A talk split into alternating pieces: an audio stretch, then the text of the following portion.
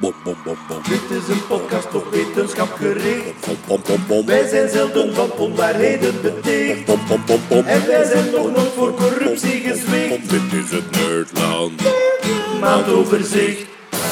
Met uw gastheer Lieven Scheire.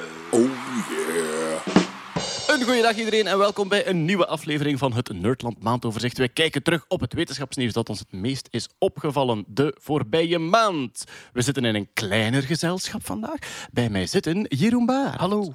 Bart van Peer. Dag allemaal. Hetty Helsmoortel. Dag lieven. En omdat er enkele afzeggingen zijn, hebben we ja, onze, onze reservebank aangesproken. Het is de tweede keer dat hij erbij is. Jonas Gernaert. Hallo. Ah ja, je liep hier toch door de hof. Ja. dacht ik, kom, we sleuren die aan tafeltje. Het format van Nerdland is lichtjes aangepast met een spelelement. Namelijk, een van de deelnemers heeft totaal geen wetenschappelijke achtergrond. en het is aan de luisteraar om te raden wie dat zou kunnen zijn. Oh, het is wel spijtig dat ik uw naam al genoemd heb. Anders konden we de Masked Podcaster. Oh ja. Die unskilled podcaster. Ja. Vrees wel dat wie dat aan het einde van deze aflevering gaat verdwijnen, is gewoon degene die dat zijn arm breekt, waarschijnlijk. of het niet meer aan kan. Ja, dat kan. Dat ook, ja. Eh, maar ja, Jonas, jij luistert wel vaak naar de podcast, dus Ja. je bent wel mee met de algemene onderwerpen en zo. hè. tips of feedback op de podcast de laatste jaren. Ja. Wel meer onderwerpen over ehm, eh, Oostblok animatie uit de late jaren 80, begin jaren 90. Dat is iets dat we vaak in de mailbox krijgen. Ik voel dat jij je eigen podcastreeks gaat beginnen Jonas, over animatie. Ja, oké. Eh, goed, ja, redelijk wat wetenschapsnieuwtjes uit allerlei domeinen. Maar eerst moet ik even controleren hoe het gaat met de mentale status van Hetty Helsmoortel. Gaat het nog, Hetty?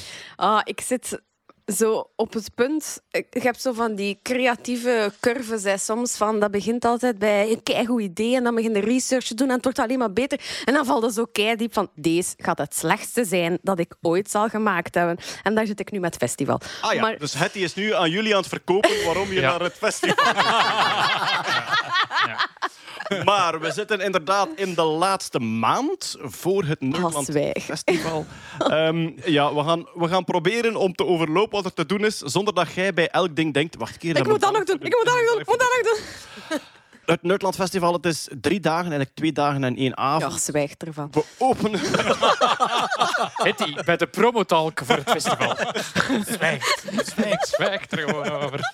Als Dus- er mensen zijn die graag drie dagen naar Hetty willen komen luisteren, Is 3, 4 en 5 juni. Ja, kunnen we 3, wel 4 en 5 juni. Het is in Puienbroek. Wij zijn er ons van bewust dat dat in de examens is. Dus je mocht stoppen met mailen. Dat heeft heel veel te maken ook met covid-planning. Omdat hoe later op het jaar wij dat gingen zetten... Want ja, zo'n zo festival moet je lang op voorhand vastleggen. Hoe meer kans dat we uit de maatregelen waren. Hè. Er waren ooit nog maatregelen. In Ja, plus combinatie van gewoon niet veel vrije weekends meer, omdat er twee jaar festivals vooruitgeschoven zijn. Ah, het, Ah ja, het sneeuwruimerprincipe. absoluut. Heel, ja. de, heel de sneeuwhoop van evenement. Jonas, dat was ooit een idee van u dat wij een dag gingen vastleggen dat we van 10 tot 11 mijn verjaardag gingen doen, van 11 tot 12 uw verjaardag, Ja, van ja, 12 ja. tot 13 kerstmis, Ja. van 13 tot 14 uur Pasen. Alles in al. inhalen. Als we dat Nerdland Festival niet op 4 uur opgeruimd krijgen, dan is het een reggae-festival. Het, is, het zit zo vol. Maar wat gaan we doen? 3, 4 en 5 juni, de derde eh, vrijdagavond, beginnen wij met de openingsnight. En de openingsnight, ja, dat is eigenlijk de, de podcasters zelf. Wij gaan een avond samensteken en op het podium gaan staan. Ja, een beetje een bonte avond. Hè. Ik heb soms het gevoel, omdat er zo meer dan 200 shows en acts en workshops en crashcourses zijn, dat dat een klein beetje verloren gaat in, ehm, op de website. Maar die opening night is echt onze Ja. bonte avond. Wij gaan daar allemaal zijn en wij gaan allemaal ideeën een keer uitproberen waarvan dat we al drie, vier jaar zeggen, moesten we nu een keer? En demootjes doen. Ja, en, eh, ja. Stefanie, moest ik nu een keer een snelcursus... eh, hoe heet dat weer? Bloedspatten. Bloedspattenanalyse. Ah, ja, cool. ja, Stefanie, gewoon doen. En ja, moesten we nu een keer een aardbeving proberen te simuleren, of niet simuleren, gewoon te genereren allemaal, door de, de rave-versie van de intro allemaal te jumpen. En we zetten daar zo'n seismometer en zo. Ja, al van die dingen, dat gaan we daar allemaal ik, doen. ik had daar ook nog een idee voor. Maar ik weet, dus ik was ook aan het denken van, wat, die nerds die nu een eigen festival krijgen, wat verlangen die eigenlijk zo van de big opening night? En ik dacht onmiddellijk, ja, een- een paaldansact zal dat niet zijn. En dan dacht ik van, jawel, er mogen gewoon geen mensen aan te pas komen. Als die palen zijn die dansen. Dus zo ge- gerobotiseerde palen die dansen, denk ik.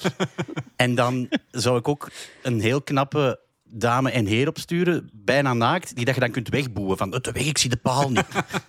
Waar de palen ronddansen. Ja, is een paaldansact. Voor, voor de duidelijkheid, dat is een bonte avond waarop wij allemaal aanwezig zijn, maar daar nemen we de podcast nog niet op. Nee, nee, dat is nee, Dat, is- Ah, wel- ja. dat is wel voor... Dat is de zaterdag. Ja, er is een Ja. live podcastopname de zaterdag. Want ja, dus die, die vrijdag, dat is echt ja, bontenavond waarop dat wij heel veel science demos die al lang op ons verlanglijstje staan, een keer op het podium willen doen en tonen. En ook zeer in-crowd. De festivaldagen zelf, allee, het zaterdag en zondag, daar programmeren we simultaan op, op acht podia. Maar dit is alleen maar het hoofdpodium dat open gaat. Ene tent, duizend man, that's it. Wow. Duizend tickets en gedaan. En achteraf ook eh, een vuurshow en een, eh, een DJ-set tot de gat in de nacht. Dus het is gewoon ons vijf daar. Dus dat is echt, eh, als je daarbij bent, ja, dan zij de een van de echte. Dus voilà. Top. En dan zaterdag en zondag, ja, dat is eigenlijk het festival. Mensen die ooit het plezier hadden om op jullie Sound of Science festivals te, geweest te zijn, die weten ongeveer wat het gaat zijn, maar het wordt groter en beter. En misschien is het wel handig om een keer het, een, een, een, een beetje een... ehm, beetje te cherrypicken uit de menulijst. Ja. Hè, er, er is een, een nerdy sportweekend. Ja, Waarin, wij, eh, waarin eh, Ruben, van, Ruben van Gucht Ja. nerdsporten komt bespreken. Zoals, eh, ik, ken, ik ken de naam die mijn dochter gaat mij slaan van de, eh, de sport uit Harry Potter. zwerkbal, Zwerkbal. En Daar gaat een demo bij zijn ook. Ja. Oh, mag ik Ruben van Gucht onhandig aankondigen uit het normale nieuws? Zo Ah, van, ja, ja. zo van, maar genoeg over Ah, Oekraïne. ja, ja, ja. Waar slaan ze de bal nog wel eens mis, Ruben? Zo- Zoiets. Maar ik, ik zal wel iets Zeg verzinnen maar, de, de makers op de kunnen bruggetjes maken, hè? Ah ja, voilà.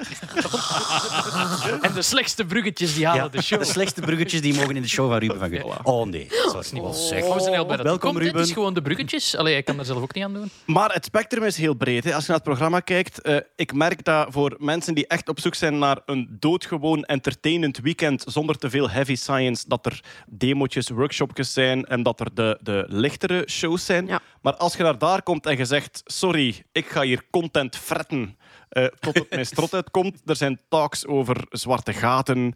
Ehm, er zijn ja, ja, eh, eh, over de waterhuishouding van Vlaanderen. Zag ik hier onder andere Ja. ook staan. Ik leg uit waarom dat internet kapot is. Voilà, Yes. Jeroen, over eh, het internet dat, dat volgens u dus kapot is. Dat is kapot. Ja, Eh, wat, wat je eigenlijk vertelt is, zo hadden we het niet bedoeld. ja het is allemaal misgelopen. Maar Ja, ik, voilà. ik zeg ook hoe dat we het kunnen beter maken. Dus het, het is een hoopvolle, eh, hoop, hoopvolle kers op de droom. En ook een, Beetje Instagram killed de HTML-star. Ja, maar, maar, dan, maar dan minder opa. en ook een kinderlezing hè, over videogames. Absoluut, Jeroen? een kinderlezing over videogames. Ja. Absoluut. De, de vorige keer dat ik die kinderlezing gaf, ik heb ze natuurlijk geüpdate met de laatste nieuwe hipste snufjes. De vorige keer heeft er een, een hele tent kinderen appelmoes naar mij geroepen. Omdat ik had gezegd van ja, en eh, ik was dan met een game engine aan het spelen. Je kan bijvoorbeeld ervoor zorgen dat er uit deze mond van deze triceratops eender wat komt. Nu komt daar een bal uit, maar als ik daar een fluid in steek, kan er appelmoes uitkomen. En dat, dat was het, de hele, de hele tent. Appelmoes, appelmoes. Maar dat heeft mij echt nog het hele weekend Ja, achtervolgd. ik herinner me dat nog. Wij hebben toen ook nog een online of een, een impro gedaan. Ja. En eh, de enige su- suggestie die dat wij hier kregen, was appelmoes. Was Ja. appelmoes. Die kinderen die zaten daar nog. Ja. Dus dit jaar zal ik daar iets voor moeten verzinnen. Er, is ook, ja, er zijn keihard leuke workshops ook. Ik, ik kijk heel erg uit naar de lockpicking workshop. ja. dat, wil ik, dat wil ik zelf doen. Omdat dat, dat, op een of andere Slot manier is er leren een, lopen prutsen. Ja. een, een vreemde overlap tussen de nerdcultuur en sloten, sloten openbreken. Er zijn heel veel mensen die met eh, cybersecurity bezig zijn, die dat, dat ook als hobby hebben. Dus Ja. er zit wel een link. Het zit ook bij de puzzelaars, want ik herinner mij op Fright Camp was er ook ooit een lockpicking cursus en ik heb daar een half uur van gevolgd, met als gevolg dat je maar één soort slot open krijgt en dat zijn die hele goedkope slootjes op zo eh, Ikea-kastjes, eh, zo uw bureaukast. En ik heb dat effectief gedaan. Ik was van een van mijn bureaukasten mijn slot kwijt en ik heb dus effectief met zo een pinnetje... Allee. Ja, ja, echt zo... rrr, rrr. Of die sloten, die sloten van de dagboekjes van tienermeisjes. Gemakkelijk open te krijgen. Zeg maar, Hetty, ik krijg veel de mailbox de vraag: wij komen met kinderen. Is dat een goed idee om met kinderen naar naar Dat zal wel Ik zijn. zou met een auto komen, maar...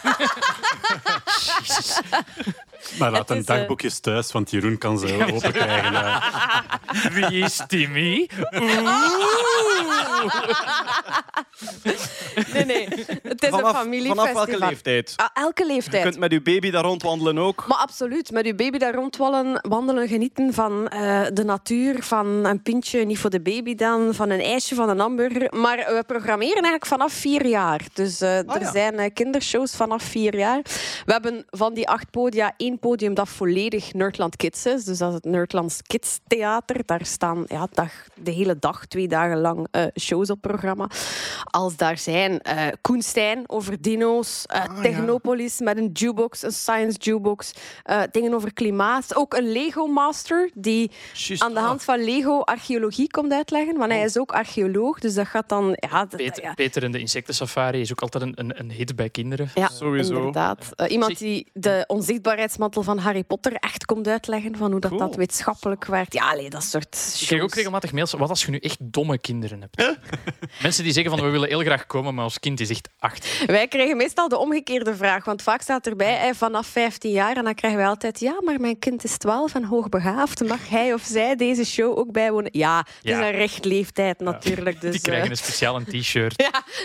Kijk nog even naar wat er hier staat. Eh, Hans van Dijk, de bioloog, hè, altijd ja, heel boeiend onderzoek over denk, vogels en insecten. Vlinders deze keer, Vlinders ja. deze keer. Eh Begin Le Bleu met zijn uh, Fweet Fweet, hè, dus over de, de vogels en de hobby van het vogelkijken. Xander de Rijke over, Ja. over dino's. En Eh, filmwetenschap. dino's en filmwetenschap. Ja, die gaat samen met Koen Stijn, de paleontoloog, kijken van ja, die dino's in Platvoet en zijn vriendjes of in Jurassic Park, eh, kan dat nu eigenlijk? Klopt Oh ja, dat? dat, een ja. kindershow. We maken platvoetje kapot.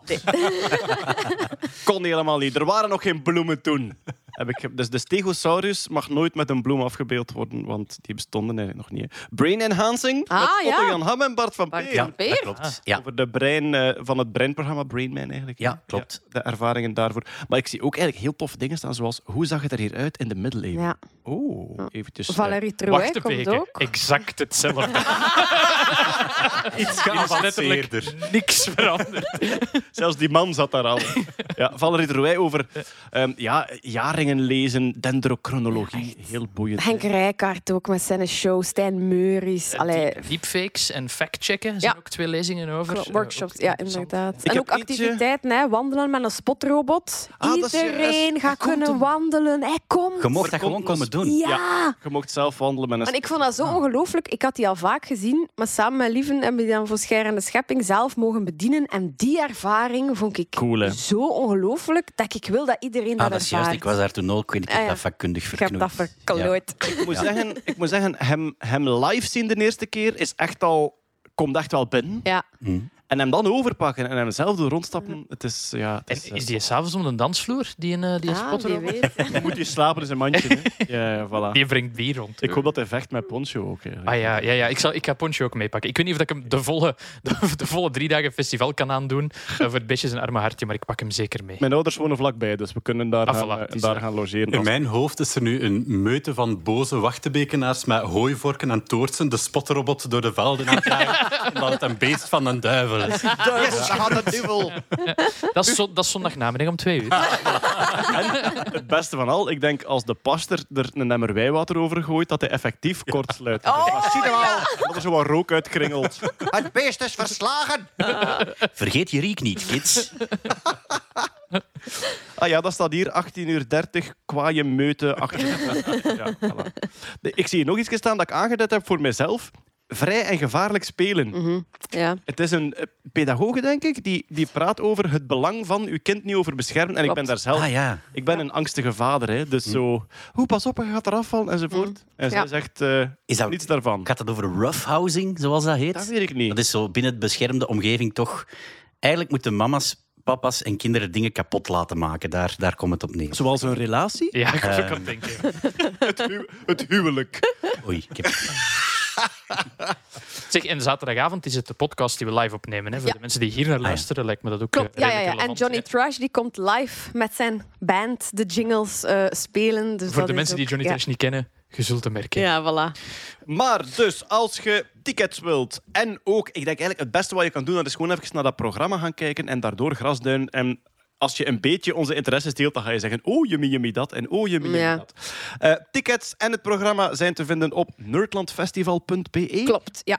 En eh, inderdaad, gaat daar gewoon door. Een anatomisch theater komt er bijvoorbeeld ook. Cool. Ja, we gaan zo in een, in een ronde cirkel eh, allemaal organen eh, dissecteren en daar dingen over. Enfin, ik kan er nog uren over praten. Het wordt, het wordt gewoon echt de max. gelijk dat Echte organen? Of... Ja, ja. Deze keer doen we het legaal. We Ah, gaan dus een, varkenshart dissecteren, onder andere. Ja, ja, ja, ja, ja, het wordt echt... Ah, oké. Ik dacht dat er ja. zo één willekeurige bijst... We hebben nog een dier nodig. Wie heeft er twee? Nee, voilà. Dus ja, nerdlandfestival.be. Enige wat ik ook nog wil zeggen, we zijn ook echt wel nog op zoek naar vrijwilligers. Dus als je... Dit is een, een megalomaan iets. Soms denk ik, maar waar zijn wij aan begonnen? En we hebben echt wel nog een aantal vrijwilligers nodig om een paar shifts in te vullen. Eén shift is altijd vier uur en elke vier uur hulp is welkom. Dus ook dat kan je op onze website vinden. En je gaat in een zeer warm, lief, tof team opgenomen worden. Wat zijn de incentives van de vrijwilligers? Ja, Eh, uiteraard gratis tickets, ehm, t-shirts, hoodies, eh, catering. eh, voor sommigen, als je heel veel helpt, ehm, tickets voor uw show over AI Ah, in het nice. najaar. Voor mijn missie 2022 in het najaar. Oké, ah, Eh, het en- is zo'n systeem dat hoe, hoe meer... Hoe meer dat je doet, hoe meer ja, een Smet er, pretpakket. Maar ook een meet and greet met Poncho in. Oh, kijk eens aan, kijk eens aan. Er komen Voilà. hier eh, 200 mails binnen van VRT-medewerkers. We hebben binnenkort een warme trein nodig. Os. nee, maar als je denkt, ja, dat is echt iets voor mij, ook al is het maar een halve dag, kom gewoon af. We Dat hebben is, nu, we dat, is hebben echt tof, dat nodig. is echt een toffe groep. Ja. Dat, eh, absoluut. Klopt. Voilà, alle info op nerdlandfestival.be. Ja, eh Hetty is er keihard aan aan het werken. Mhm. Wij zijn er gewoon hard aan aan het werken. Eh, en wij hopen zo hard dat we jullie daar zien. Hè, want, Ik niet alleen, hè, trouwens. Toon Verlinden is ook eh, Ja. by my side en een, een hele grote team dat achter ons ja, staat. de medestichter. Shout, shout out naar al die mensen, zeker. Alright, en dan nu over naar het wetenschapsnieuws. Ehm, wij hebben het een tijdje terug gehad over de mogelijkheid om varkensharten over te plaatsen in mensenlichamen. Er was een grote moeilijkheid dat die ja, organen sowieso afgestoten werden, die overwonnen werd. En er was een eerste hart ingeplant onlangs. Ja, in januari. Ehm, wetenschappers zijn al lang aan het kijken hè, naar varkensorganen, organen, om mensen eh, ja, van, van eh, dummy of tweede organen te voorzien. Omdat die qua vorm, qua grootte, qua fysiologie zeer gelijkaardig zijn aan menselijke organen. Alleen één gigantisch groot probleem. Afstoting. Afstoting, inderdaad. Ons lichaam denkt, yo, wat is dat hier? Dat is hier iets lichaamsvreemd, ik moet dat niet hebben, ik ga dat gewoon afstoten. Nu, die afstotingsreactie wordt eigenlijk vooral getriggerd door een paar suikermoleculen op het celoppervlak van die varkenscellen. En wat hebben ze nu gedaan? Ehm, niet met CRISPR, maar met een voorloper ervan. Dus ze hebben een genetische wijziging gedaan in die varkens, zodanig dat die niet meer die suikermoleculen aanmaken. Dus ze hebben een paar genen uitgeschakeld, waardoor dat celoppervlak ja, niet glad is, maar uiteraard niet meer die Ja, die suikermoleculen varkens voordat die geboren waren? ja, inderdaad. Ah, ja, Ehm, ja, dus, Ah, op, de- op de moment, embryo's. ja, inderdaad. Op Ja, ja, het moment dat een eicel en een zaadcel in vitro versmolten Als werden... een mama en een papa. Ja, ja. Heel graag Ze hebben minder, minder suikerige varkentjes gemaakt. Ja. Allee, minder suikercellige Maar dat, dat zijn dan IVF-varkens. Dus je maakt, Absoluut, echt, je maakt een bevruchte eicel in een schaaltje in het labo en dan moet je daar onmiddellijk op crisperen. Ja, het is niet CRISPR, maar Ah, het is Je een... moet die een onmiddellijk bewerken, Ja. want vanaf dat hij zich begint te delen, moet je meer cellen bewerkt ah ja, voilà. Dus je moet het zo vroeg mogelijk doen. En dat wordt dan ja, één cel, twee cel, vier cel, acht cellen, zestien cellen, een varken. En dan kun je dat... Een grote sprong van eh. Echt één, Exponentiële curve. één, twee veel. En dan moet je zorgen dat je het stopt.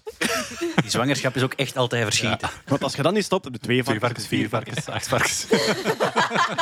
Die mens die het varkenshart gekregen had, die, ja. was, die was al terminaal zeker. Ja, ja, was het verhaal inderdaad. Ja, ja, ja, Was van, het, inderdaad. het maakte niet meer uit of dat ging lukken. Voilà, een, een Ja. 57-jarige man, David Bennett, denk ik, ehm, die inderdaad zodanig ziek was dat hij zelfs niet meer voor een normale menselijke transplantatie in, in aanmerking kwam. En ehm, toen hebben de artsen voorgesteld van kijk, wij zijn hiermee bezig, wil jij dat doen? En hij zei, weet je, zelfs als ik een dag nadien doodval, ik ga toch dood en dan hebben jullie er tenminste iets uit geleerd. Een held. Echt een held. Ja. Ja. dus die heeft daarmee ingestemd. En hij heeft dan nog een week of acht geleefd met dat varkenshart. Wat dat wel een enorme mijlpaal is in ja. de transplantatiegeschiedenis. Ehm, Is hij dan overleden aan ehm, de transplantatie, de gevolgen daarvan of aan zijn ziekte? Dat weten ze nog niet. Dus dat zijn ze nu aan het uitzoeken. ehm, of dat, dat hart dan alsnog afgestoten is, of dat dat ja, iets anders was.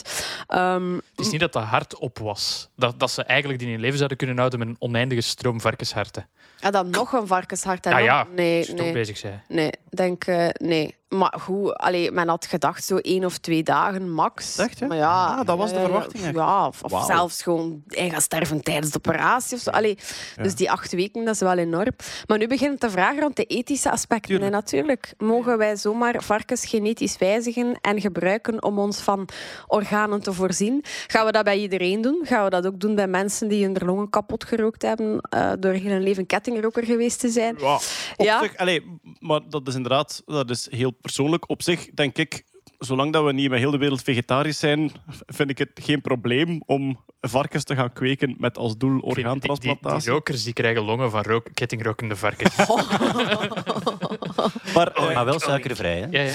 maar ja, de, de, de ethische vraag is ook... eh, dit, dit was nu echt ja, iemand die zei... Voor mij is het toch gedaan en ik wil dit echt nog wel doen voor de kennis en de vooruitgang. ja. Maar kun je het routineus doen? Dat hangt dan af van het risico dat je ermee pakt. Ja, inderdaad. Maar dat is wel het plan. Hè. Allee, dit, dit zijn hele grote stappen dat ze nu aan het vooruitzetten zijn. Ik denk als je dat 10, 15 jaar geleden had gezegd, iedereen had dat science fiction gevonden of genoemd. En, en daar zijn we nu al. Ehm, ik vond het wel grappig, dat zat ook in mijn show. Want vorig jaar hebben ze voor het eerst een volledige varkensnier getransplanteerd. Hè, Ah, ja. van, van, dat, van diezelfde kudde varkens. Dus dat zat in missie 2021. Maar dat verhaal van allee, dat varkenshart heb ik er dan in de laatste shows bij verteld. Want hij ja, geprobeerd, geprobeerd wel up-to-date te blijven. En juist in de Arenberg, een van de grootste zalen waar ik gespeeld heb, zei ik, ja, en die man met dat varkenshart, hè, en hij is, eh, ja, hij is nog in leven. Allee, ze allee, ziet er goed. Dat was 9 maart. En heel die zaal roept naar mij, nee, nee. Ik, oeh, wat, wat. Hij is gestorven. Ik zeg, oeh, wanneer? Ja, vandaag. Ja, zo. ik, zo, ja. ja, ik zeg, ik heb nog geen... Die eh, heeft gewacht om ik je te heb, nog, knoten. ik heb nog geen... Nog eventjes. Ik heb nog geen nieuws. foyer loopt vol. Is het al de Arenberg voor het? Ik zei, ja, ik heb, ik heb nog geen nieuws bekeken vandaag. Ja, wat, wat voor wetenschapswatcher zeiden dat? Hoe is, Maar het, goed, hoe is voilà. het met de nierenman? Want je zegt er heeft al iemand een nier van varken nee, dat was een, een hersendode vrouw. Ah. En eh, dat experiment hebben ze na twee dagen bewust afgebroken. Omdat ze daar gewoon wilden testen. En dat was ook effectief het geval. Dat begon urine aan te maken en zo. Dus ze wouden daar gewoon zien, kan het? Eh, maar het is waanzin. Het is echt waanzin. Het is, ja. Het is ook, want ik denk dat voor, voor, voor veel mensen, zoals, zoals ik ook, die buiten de medische wereld dat dat heel hard binnenkomt van hersendode persoon, terminale mens. Ja. Ik ben een beetje verslaafd aan Topdokters, de, de, de reeks op Play 4. Goeie serie. Ja, en ik vind dat altijd zo, zo confronterend hoe dat, als je daar dag in dag uit mee bezig bent met transplantaties en met overlijdens, hoe anders dat je daarin staat en hoe een omgangsvorm dat je daar ook mee hebt. Maar, want voor mij komt dat altijd zo heftig, zo heftig over. Ook die chirurgen die gewoon zeggen van, ah ja, soms haalt iemand het niet. En die zijn er al wel geweldig van aangedaan. Maar je moet dan een keer beginnen aan een volgende operatie. Het zou voor mij niet zijn, denk ik. Ja. Is het omgekeerd al geprobeerd? Sorry, ik ben even aan het freewheelen. Is er al een Iemand menselijk dood opereren die Nee, dan levend nee, wordt? Nee, nee, een, mens, een menselijk orgaan in een varken. Ik, pro- ik weet geen situatie Om een hoe dat zou varken te kunnen. redden. Om een varken te redden. O- gewoon om te zien of dat de, de compatibiliteit, Compatibiliteit, ja. langs twee kanten hetzelfde zou zijn. Ja. Maar ja, maar waarom zouden dat willen doen? Sorry, donorwachtlijst. maar we gaan Deze nier gaat nu naar, Jeroen- naar het knorretje uit. Jeroen had een ideetje voor de Nerdland Opening Night. Dus, eh, Niet dan. Op zich, een varkensorgaan in een mens krijgen gebeurt al heel lang in elke McDonald's van de wereld. Maar eh, Niet dan, ik ga wel naar China. ja. Voilà, maar kijk, goed, de, de man is overleden die een varkenshart getransplanteerd gekregen heeft, maar heeft wel eh, eigenlijk immens hoog boven de verwachtingen nog zijn, ja, zijn, zijn acht weken daarmee kunnen rondlopen. Ja. En dus ja, eh, iets voor de toekomst. Heb je daar enig zicht op over welke termijnen dat je dan spreekt in implementatie? Is dat een jaar? Is dat tien jaar? Dat is zeker geen jaar, maar ik denk binnen tien jaar. Als je nu ziet met welke zeven mijlslaarzen dat ze aan het vooruit gaan zijn. Ja. Ja, ja het gaat snel zijn. Oké, ja, ja. Alright. Maar toch stoppen met roken, eh, want het kan te laat zijn ja. eh, over tien jaar. Alright, wat hebben we nog staan? Ehm, we hebben het al vaak gehad over artificial intelligence. En eh, ja, wat men dan noemt de holy shit momentjes bij artificial intelligence. Als die weer dingen kunnen waarvan je denkt, hé? hoe dan? En er is iets gelanceerd, DALI. DALI 2 is het, denk ik. Hè? DALI 2, ja. En van, van welke groep eh, komt dat wel? Van OpenAI. Dat is een, een Ah, ja. concern dat, waar dat Musk ooit mee verbonden was, maar die heeft daar zijn handen ervan afgetrokken. Dat is eigenlijk een ja, waanzinnig goede groep AI-onderzoekers. En die hebben nu... Het riedeltje gaat altijd zo. Een neuraal netwerk getraind. Wat is een neuraal netwerk? Dat is een wiskundige formulering die kan denken, of waar dan mensen van beweren, dat er enige intelligente output kan uitkomen. Wie dat wil weten, komt na de zomer naar mijn eh, AI-show eh, natuurlijk. Nee, en als je vrijwilliger wordt, kan je gratis tickets krijgen. Ja, voilà ze. met, be- met behulp van eigenlijk, en eigenlijk toont je dat neuraal netwerk altijd van kijk. Dit is wat dat het moet zijn. En dit is wat dat, dit is wat dat het niet moet zijn. Dit is wat het moet zijn. Dit is wat het niet moet zijn. Zo toont je die 20.000 voorbeelden in de hoop dat die een wiskundige formule uitdenkt, waardoor die van een input dat hem nog niet gezien heeft, een ongelabelde input, kan zeggen: ah, dat is een kat, dat is een hond. Voilà, inderdaad. Het klassieke voorbeeld. Je geeft die 10.000 foto's van tomaten en 10.000 foto's van peren. En die probeert daar een patroon in te zoeken waarvan je als onderzoeker zelf niet weet welk patroon dat hij zoekt. En dan zegt hij na een tijdje, ik denk dat het kan. En dan hij hem een nieuwe foto. En als hij dan op de correcte manier zegt, het is een tomaat of een peer. Vaak, vaak geeft hij er ook nog een kans bij. Ik ben met 92% zekerheid dat dit een tomaat is. Maar waar we het nu over Ja. hebben, is ook het, het genereren van afbeeldingen. Afbeeldingssynthese. Is dat, ehm, is dat dan het zogenaamde GANS-systeem, waar dat er twee AI-systemen eigenlijk samenwerken? De ene probeert iets te maken.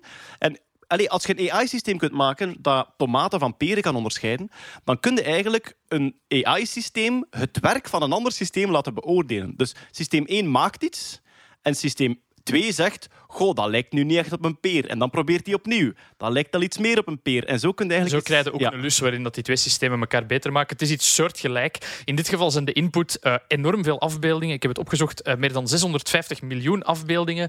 eh, van dus ja, afbeeldingen en, en een label erbij van wat dat er op de afbeelding staat. Ja. Eh, en Dit dus- is een illustratie van, Van een meloen met een hoedje op. Ja, inderdaad. Een illustratie of een foto. Ehm, en wat kan dat systeem nu? Eh, het is nog maar open voor een beperkte groep mensen. Je kan een tekstbeschrijving geven van ik wil een panda op een motorfiets en een ondergaande zon. En dan genereert dat systeem een redelijk goede afbeelding van een panda op een motorfiets met een ondergaande zon. Die afbeelding is volledig gesynthetiseerd. Die is dus niet samengekol... eh, het is geen collage van afbeeldingen dat hij al kent. Het is echt, hij kent de relaties tussen wat is een panda, wat is een ondergaande zon. Hij kent iets van compositie en daar komt zo'n afbeelding uit. Het is redelijk wonderbaarlijk om te zien. Ik heb een paar voorbeelden gezien. En cool. de, de panda die je vernoemt Ja. is ook een voorbeeld. hè. Dus de onderzoeker zegt dan, geef mij een panda op een motorfiets. Ook ja, ehm, flamingo's rond een zwembad. En die, die maakt dat dan ook. Ja.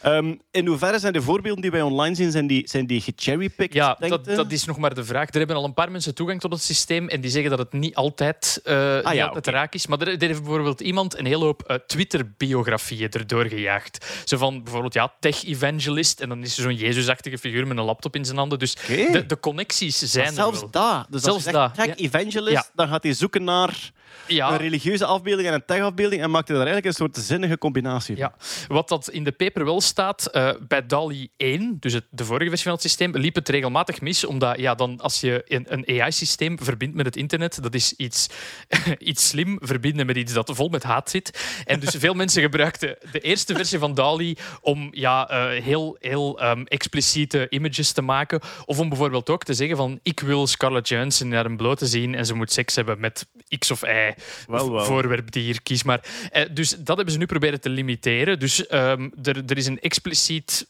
Wel, ik weet niet hoe dat ze het precies gedaan hebben, maar eh, echte mensen genereren kan niet. Je kunt dus niet zeggen, ja, Elon Musk op een, op een driewieler. Dat, Ah ja, daar- oké. daar- daar- dat- Ja. dat proberen ze publieke figuren worden. Ik denk dat dat gewoon een ingebouwde lijst is van Ja. eh, je mag niet queryen op Elon Musk of Christina Aguilera. Of, dat is mijn go-to twee Ja, dat, dat is, dat is uw, dat is uw, uw, uw Ja. geilste koppel op aarde. Dat- dat- dat Musk en Aguilera. zegt Ja. genoeg over mij. Ehm, er zijn wel al mensen die er kritiek op hebben. Omdat inderdaad, ja, die trainingsset, zoals bij heel veel trainingssets bij AI, uw trainingsset bepaalt ook de bias van uw systeem die je, dat je maakt. Ja.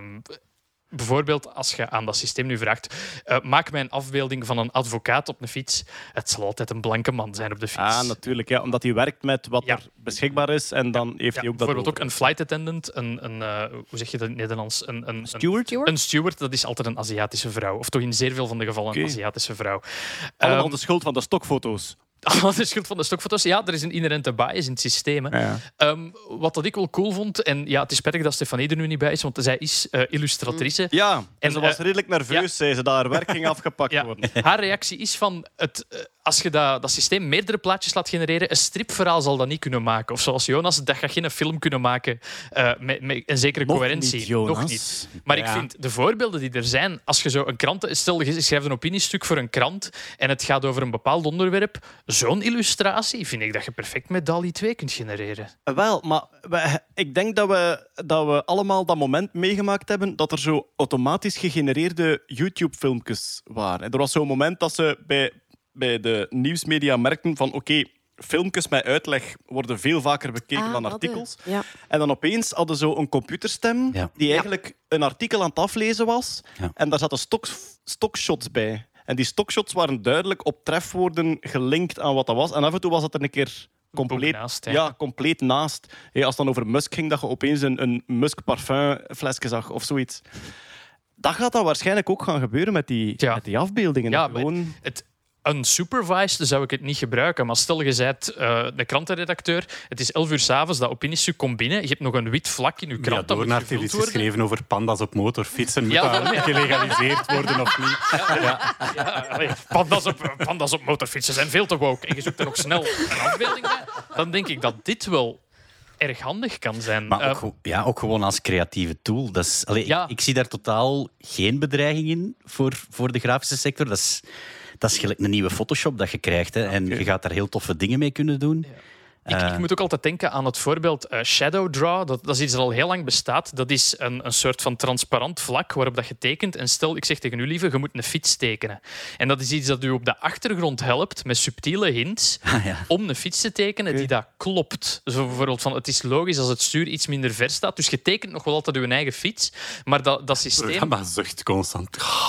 Ik heb dus eigenlijk... Dat geeft ook, geeft ook zo van die passief-agressieve opmerking. Ah, je gaat dat stuur daar zetten. Ah, ja. Nee, nee, nee, nee. Nee. Nee, dat Dus kan. je, je hebt eigenlijk een, een geautomatiseerde well actually gemaakt. Ja. Wat dat ook wel cool is... Well, wellactually.ai. Ik koop het. Wat dat ook cool is aan DALI 2, ze hebben expres op voorhand mensen uitgenodigd om het systeem te proberen breken. Red, red team, zoals ze noemen. In cybersecurity heb je een blue team die het product eigenlijk gewoon gebruikt en een red team dat het probeert kapot te maken. En dus een Hey, van- ik, ik, was, ik, ik heb het nooit geweten, maar in middelbare school was ik bij het Red Team. Of wat? En het Red Team heeft expliciet gezegd van ja, oké, als dat klaar is, laat niet meteen iedereen op het internet daarmee spelen. Ja, ja. In godsnaam nee. dus nu gaat het langzaam maar zeker in waves naar een... Ik eh, sta op de wachtlijst. ik sta ook op de Ik wachtlijst. ook. voilà. Ja, ik heb me er ook op. Maar je moest zo'n reden ingeven waarom dat je op de wachtlijst stond. En ik heb daar echt zo de meest... Ah, nee. All of the above. Ik kreeg er dan een tekstboekje. Ik heb echt geschreven van to, to, to analyze a system for a famous Belgian podcast. Zeg, ik heb een varkenshart, ik heb nog maar vier weken te leven. I want to put Elon Musk on a tricycle. Maar wat ik graag wil weten, want ik, kan, ik heb ook het demofilmpje gezien. Eh, wat dat mij fascineert is het feit dat zo'n AI-netwerk, neural netwerk kan leren wat welke afbeelding is. Dat is op zich al heel straf. Maar eh, het is hier ook al te sprake gekomen in vorige podcast dat dat een soort black box is van die machine leert dat zichzelf aan en zelf hebben daar niet zoveel zicht in hoe die- dat hij dat doet, zolang dat de resultaat er maar naar is. Maar het aspect om dat dan om te zetten in geloofwaardige grafische representatie, dat is... Ik zou er nog kunnen inkomen, moest dat zoiets zijn van rudimentair ergens een ijsbeer uitknippen en die aan een parachute hangen en dat je van ver ziet wat dat de bedoeling was. Maar het is echt ook wel goed. En dat die, die afbeeldingen ge- gesynthetiseerd zijn. Het is niet eens knip en plak uit één afbeelding. Ja. Maar dat moet toch echt iemand geprogrammeerd hebben? Of is dat ook... Nee, dat is ook geleerd. Eh, Hoe Wauw. eigenlijk werkt, is het is één AI-systeem dat eigenlijk begint van random stippen op een tekening. En die probeert te masseren via diffusie, noemen ze dat, richting een pixelafbeelding. En een ander AI-systeem heeft als opdracht: jij mocht enkel en alleen.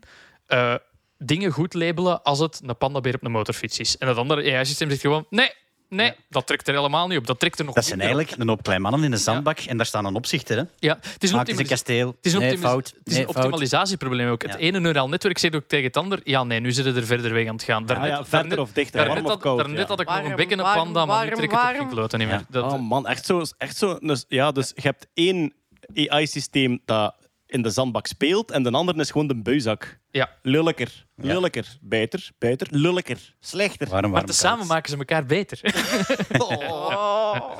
Ik weet niet of jullie trouwens al gehoord hebben van de Belgische variant op, eh, op, op Dali. Dat is eh, Benjamin Dali. Ja. Dat is een soort van robot waar ze vlees over getrokken hebben. En die komt overal in, in meetings zitten en is kei enthousiast over dingen. Ja, knip dat er. Eh, nee, Jeroen, dit wordt de intro. Domme mijn beste relevante. Is goed. Wordt plezant dat festival. Allee, volgende onderwerp. Is er al een eh, punchline AI eh, ontwikkeld? Zonder zeveren. ehm, ben je, eh, zeg- nee, nee, Thomas Winters, eh, bekend van Torresbot, die zijn thesis ging over kan een computer een mop maken waar wij echt mee kunnen lachen. En die moppen die waren in de vorm van I like my X, like I like my Y. Adjectief. Dus ik, Ah, ja. hou, ik hou van mijn vrouw Ah, zoals ja. ik van mijn bier hou. Eh, nat en ijskoud. Weet ik, ja, dat is wat. Maar dan daar variaties op. En dat ding kon wel echt coole moppen maken. echt? Ja, ja. Kon ook totale onzin maken, obviously. Ja, ja, ja. maar Dat, ja. Ook als we toch over Torfsbot bezig zijn. Thomas, eh, Thomas heeft een eh, talk gegeven op een of andere conferentie over Torfsbot van een uurtje. Is zeer interessant. Niet te technisch, over de hele evolutie van hoe hij Torfsbot... Want ja, die jongen heeft er ook een beetje zijn half research project van gemaakt. Ja? Dus ik zal hem linken in de show. Heeft, heeft Zet hem Rick op de Torfs lijst. eigenlijk ooit al gereageerd op Torfsbot? Want ik vind Maar het altijd leuk om op op Rick. Torfs te reageren nee. en een ad Torfsbot. Maar hij, Ik heb, wel, ik heb wel al... Ja, ik, ga- ik ga het opzoeken, want het moet in de show staan. Ik heb al iemand in discussie zien gaan met Torsbot. ah, for Dat real. was zo goed. Ja, dat was Mooi. zo goed. Maar het was ook, het was ook zo'n... Een, een, ja, zo'n Wacht, iemand die niet wist wat Torfsbot was? Ja, Oh. maar ik had hem geretweet. Hè. Dus ik had, Ja? ik had Torsbot geretweet. en dus af en toe... En ik- bijvoorbeeld, toen ik, toen ik positief getest had ehm, op, op, eh, op corona... had ik voor de Joel mijn eh, positieve zelftest getweet met erbij besmet snot te koop. Hè, dat was vlak na Pieter Loridon, Oh. zijn dingetje daar. En dus, dan krijg je dus trollen. Het is nu een dingetje blijkbaar bij zo de, de alt-right om ehm, heel erg kwaad te worden op mensen die zeggen dat ze corona hebben. Want ik weet niet... De, ik werd beschuldigd van eh, deugdpuntjes scoren. Hè? Want dus op een of andere manier is positief testen is dan publiekelijk deugd. Enfin, ik weet het niet. Maar het is dus echt zo, dat soort volk, hè, zo, dat Ja. soort volk die zo een soort idee fix hebben van hier ga ik vanaf nu kwaad op zijn. En dus, eh, ik retweet die een torsbot en iemand reageert erop van dat is typisch het kort door de bocht eh, werk dat we gewoon zijn van de academici. En, en torsbot is geprogrammeerd om te reageren als je antwoordt. Dus die antwoordt weer met zoiets wazig en die gaat er weer op. En dat was echt hilarisch. Ik ga hem opzoeken. De show notes? Torfsbot or not bestaan nu ook. Hè? Dat je, Ah, ja, ja, dat is ook dat je een tweet krijgt en dat je kunt stemmen of dat je denkt dat het Ja. Torfs En komt. ik heb me dus al vergist, hè. Ja, ja, ik ook. Ik ook. tuurlijk. Er zijn een paar. eh, er komt een uitroeptekentje bij als het lukt, als hij de Turing-test overleeft. Zwat. Eh, Stefanie zei nog van DAL-I, ik zal haar even quoten. ehm, eh, interessant, maar eh, het is bagger, weliswaar indrukwekkende bagger. een DALI kan geen gans prentenboek of strip maken met consistente karakters en settings. Goed voor een lelijke poster van de plaatselijke parochie. Getekend Stefanie Dehenij, professionele illustrator. Dus ik denk dat we dat ook wel een beetje moeten kaderen. Ik denk dat haar controle-AI niet aanstond toen ze dat deed. Maar ik denk dat dat voor, voor heel veel mensen wel handig is. Dat je inderdaad, als je een kleine vereniging bent die geen illustrator kan sorry, betalen, maar dat je gewoon, We zijn door de jaren negentig gegaan met iedereen clipart en Comic Sans. Voilà. Ik heb liever dit. Voor el- ja. I survived Comic Sans. survived We maken, we maken dit Voor t-shirt. elke scoutsvereniging die een panda-race organiseert. Goed, eh, we gaan nog eens naar de ruimte. Enfin, niet helemaal naar de ruimte. We blijven op aarde. Helaas. Ehm, eh, kennen jullie nog... Rubber than lieven. blijf pikken, hè. blijf pikken. Weten jullie nog wat de Arecibo of Arequibo, ik weet het niet. Ja, dat, dat ben ik vergeten te zeggen. Eh, we hebben het allemaal heel druk, daarom zijn we met minder vandaag en zijn we ook niet ingelezen. Zodanig niet ingelezen Maar dat ben jij zelfs... goed ingelezen? Eh, behalve Jeroen. Ja, mai. Eh, zodanig niet ingelezen dat zelfs Jonas erbij is. en, ehm, dus we gaan af en toe wel iets fout zeggen. Stuur het ons op, hè. we zijn dol op feedback en dan zetten we dat de volgende keer eh, recht. En Maar dan dus- krijg je van mij een persoonlijk antwoord dat eruit zal bestaan. Bedankt voor je feedback. Groetjes, Jeroen. nee, nee, dat beloof ik niet meer. Ik heb eens een maand dierenfoto's naar iedereen gestuurd en dat heeft Ja. mij Eén maand kreeg je een gratis dierenfoto. Klopt, maar eh, klopt. die, eh, kijk, die Oh, weet je wat ik vandaag in de mailbox had? Heb je geweten dat ik ooit hier verteld heb in de podcast dat ik een camera heb om te kijken of dat mijn garagepoort open staat. En als mijn garagepoort nog open staat, dan mailt hij mij een mail met de titel Je garagepoort staat nog open, flapdrol. Heeft er iemand dat vandaag wel niet gemaild, zeker? En ik, was, ik, was al, ik was al halverwege naar beneden toen ik dacht van wacht eens even, die afzender, dat klopt niet. Somebody hacked the system. Ah, goed, goed. Ja, dus goed. Ja. Ja. Eh, Oké, is er iemand van jullie die nog weet wat de, de Arecibo message is? Arecibo. Ah, is het dat die, die pulsen? Eh, Pulsen? Pulsen? De Arecibo message? Ik ben helemaal vergeten. Arecibo-telescoop is het- toch die die ingestort is, hè? Inderdaad, En- wauw, Hetty. Puerto Rico. Punten voor jou. Die werd gebruikt door, door SETI, het Ja, de Search die. for Oh. Extraterrestrial eh, Intelligence. Ja. Eh, die werd gebruikt om te zoeken naar signalen van buitenaards leven, maar ook omgekeerd. Die is ook gebruikt om een signaal uit Ja. te sturen naar een soort cluster in onze Melkweg waar er vele sterren samenhangen, waarvan dat ze denken misschien is er daar wel een planeet met leven. En dus in 1974 hebben ze de Arecibo message verstuurd. Ehm, als je dat ziet, dat is echt pixels. hè. Dat, dat ziet eruit gelijk Loadrunner. Ehm eh, eh, Loadrunner, het, ik denk het eerste grafische spel op Mac. Ja, ik, ik ga het even... Geweldige referentie voor ons publiek. Ja, voilà. Ja, tuurlijk. De helft van ons publiek zegt super. Ehm, nee, maar Loadrunner, ik heb dat onlangs nog gespeeld. Je kunt dat spelen in de oude versie als app. Je hebt ook een nieuwe versie, die moet je vermijden. Die oude versie van Loadrunner, die is fantastisch. Dat is typisch zo een oeroud gepixeld spel. Je moet gewoon een beetje rondlopen en mannetjes ontwijken en goud verzamelen.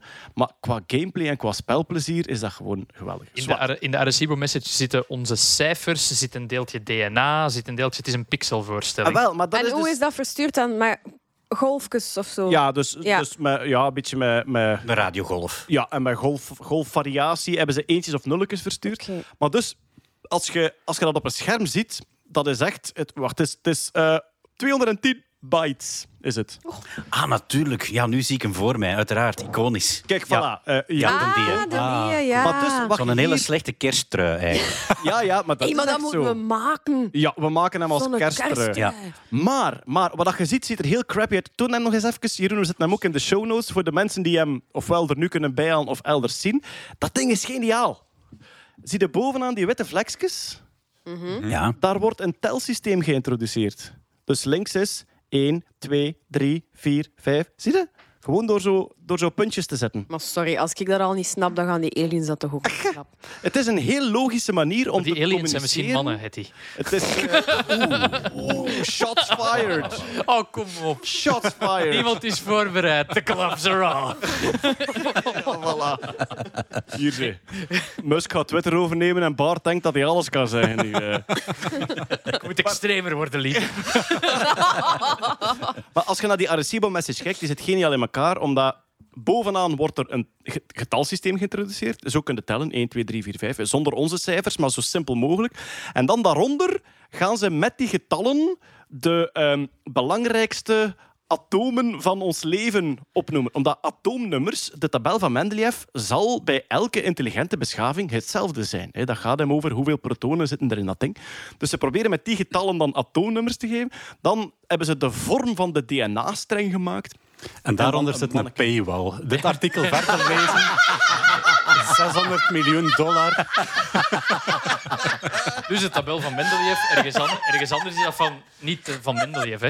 Nee, dat Ah, is zie waar. eens, die hebben ook een tabel van... eh Flurpel, Flurpel. Er staat ook wel bij niet te kennen voor het examen. Maar wat is er nu met dat bericht, lief? En, dan hebben ze de paywall en is van... Oh, Spork, heb jij nog zo'n bakske? Oh, Oh wacht. nee, dat is een scam, jongen. Je moet daar niet op klikken. Ja, maar vooral dat ding is 25.000 jaar onderweg, dus die hebben dan een heel oud KBC-bakske nodig. Eh, goed, dus ehm, die Arecibo-message is verstuurd. Ik vind die Arecibo-message geweldig om te bestuderen, omdat een keer dat je daar de logica van ziet, denk je geniaal om in, om in 210 bytes eh, zoveel informatie over het leven... Ah, kijk, nog eentje. Lieve, dit is een visueel ding. Ja, ik weet het, maar ik ga toch nog eentje vernoemen. Eh, het gele lijntje, het, eh, eh, het gele lijntje bijna beneden. Ja, onder het manneken. Daar wordt verteld op welke planeet wij leven in het zonnestelsel. Ja. Dus ze gaan ervan uit, ze gaan wel zien vanuit welk zonnestelsel dat signaal komt. Helemaal links heb je de zon, eigenlijk negen gele pixels. dat, dat één gele blokje dat zo'n beetje naar boven staat, dat is om aan te duiden, daar Dat zijn is de wij. aarde. En je hebt dus inderdaad eerst vier kleine planeten, dan twee hele grote, dan twee minder grote en dan nog een kleintje. En Pluto staat er nog op. ja, ja. Pluto staat er nog op. Pluto staat er nog op, ja. Wat is over Dat vijf is Oh, we hier- gaan een correctiesignaal moeten sturen. Sorry, wat dat je daar straks hebt ontvangen. Eh, De errata. die kerstpuzzel van de Adief of zo. Wat tegen dat gedaan zijn. Maar eigenlijk, het lijkt heel hard op inderdaad, zoals de kerstpuzzel. Het zou exact zoiets kunnen zijn. Het is zo door logische deductie. Ja. Nu, er is deze maand een update gepubliceerd. Ah ja, dat Pluto er niet bij is. ah ja. Onder andere, maar ook omdat ze dachten, zeg, wij hebben veel meer pixels nu die we kunnen versturen. En nu hebben ze dus vijf grote gepixelde pagina's volgezet. ehm, met onder andere die tekening van twee naakte mensen, zoals dat je eh, ook op die golden, golden eh, plate hebt die ze meegestuurd hebben. Een heel telsysteem. Ze hebben er alle priemgetallen bij gezet. Ook zo'n beetje flexen, hè, van hey, aliens, we kennen al priemgetallen. Wij vinden het door. Zo'n hele hoop systemen. En eh, het is gepubliceerd. Het zijn wetenschappers van de NASA. Wat zouden ze willen eh, ook meesturen in de toekomst? De regels van schaak. En dan hopen ze dat wij dus zeggen A2 naar A3. En dat dan 50.000 jaar later Allee. antwoord komt. Dat was in, Er is ja. zo'n bekend, be- bekend schaakspel dat al 30 jaar, dat, dat dus, ik denk tussen een filosoof en een andere filosoof, dat 30 jaar over en weer ging, het schaakspel, die elkaar met postkaarten... eh, eh, Maar stel voor dat wij zo A2 naar A3 sturen en dat je dat terugkrijgt. Zijn wij wit of zwart? of dat die zo grote mysteries voor ons oplossen. Ah, pi is een rationeel getal trouwens. We hebben dat al eh. Ah, Dat blijft mij bij ook af. jullie. Als die dat origineel proberen ontcijferen, stel dat die zo acht van de tien vinden. En van oké, dat zal de planeet zijn, dat zal de, de, de atoomgetallen zijn. Maar die twee dat ze niet vinden, dan gaan die toch ook zeggen dat zal iets religieus zijn. hè? exact. Als wij zoiets terugvinden in de grond, dat we niet direct een functie kunnen verzinnen, het zal wel iets religieus zijn. Dat vast een rituele Ja. betekenis. Ik hoor ook zo Gilles de Koster zo. De aliens hebben acht van de tien puzzels gevonden. Maar er zit nog maar 2000 euro in de groep. En de Arecibo-telescoop is ingestort, maar dat is niet erg. We gaan gewoon met een andere telescoop verder. Dat is letterlijk wat er aan het gebeuren is. Ah, ja. Gewoon als Ah, de ja, Arecibo voilà. is ingestort en in China staat er een mooie nieuwe grote waarmee dat ze die nieuwe boodschap zouden willen versturen. Maar het is dus, Arecibo kan het niet aan. Oh, er is een deel van het instrumentarium ingevallen.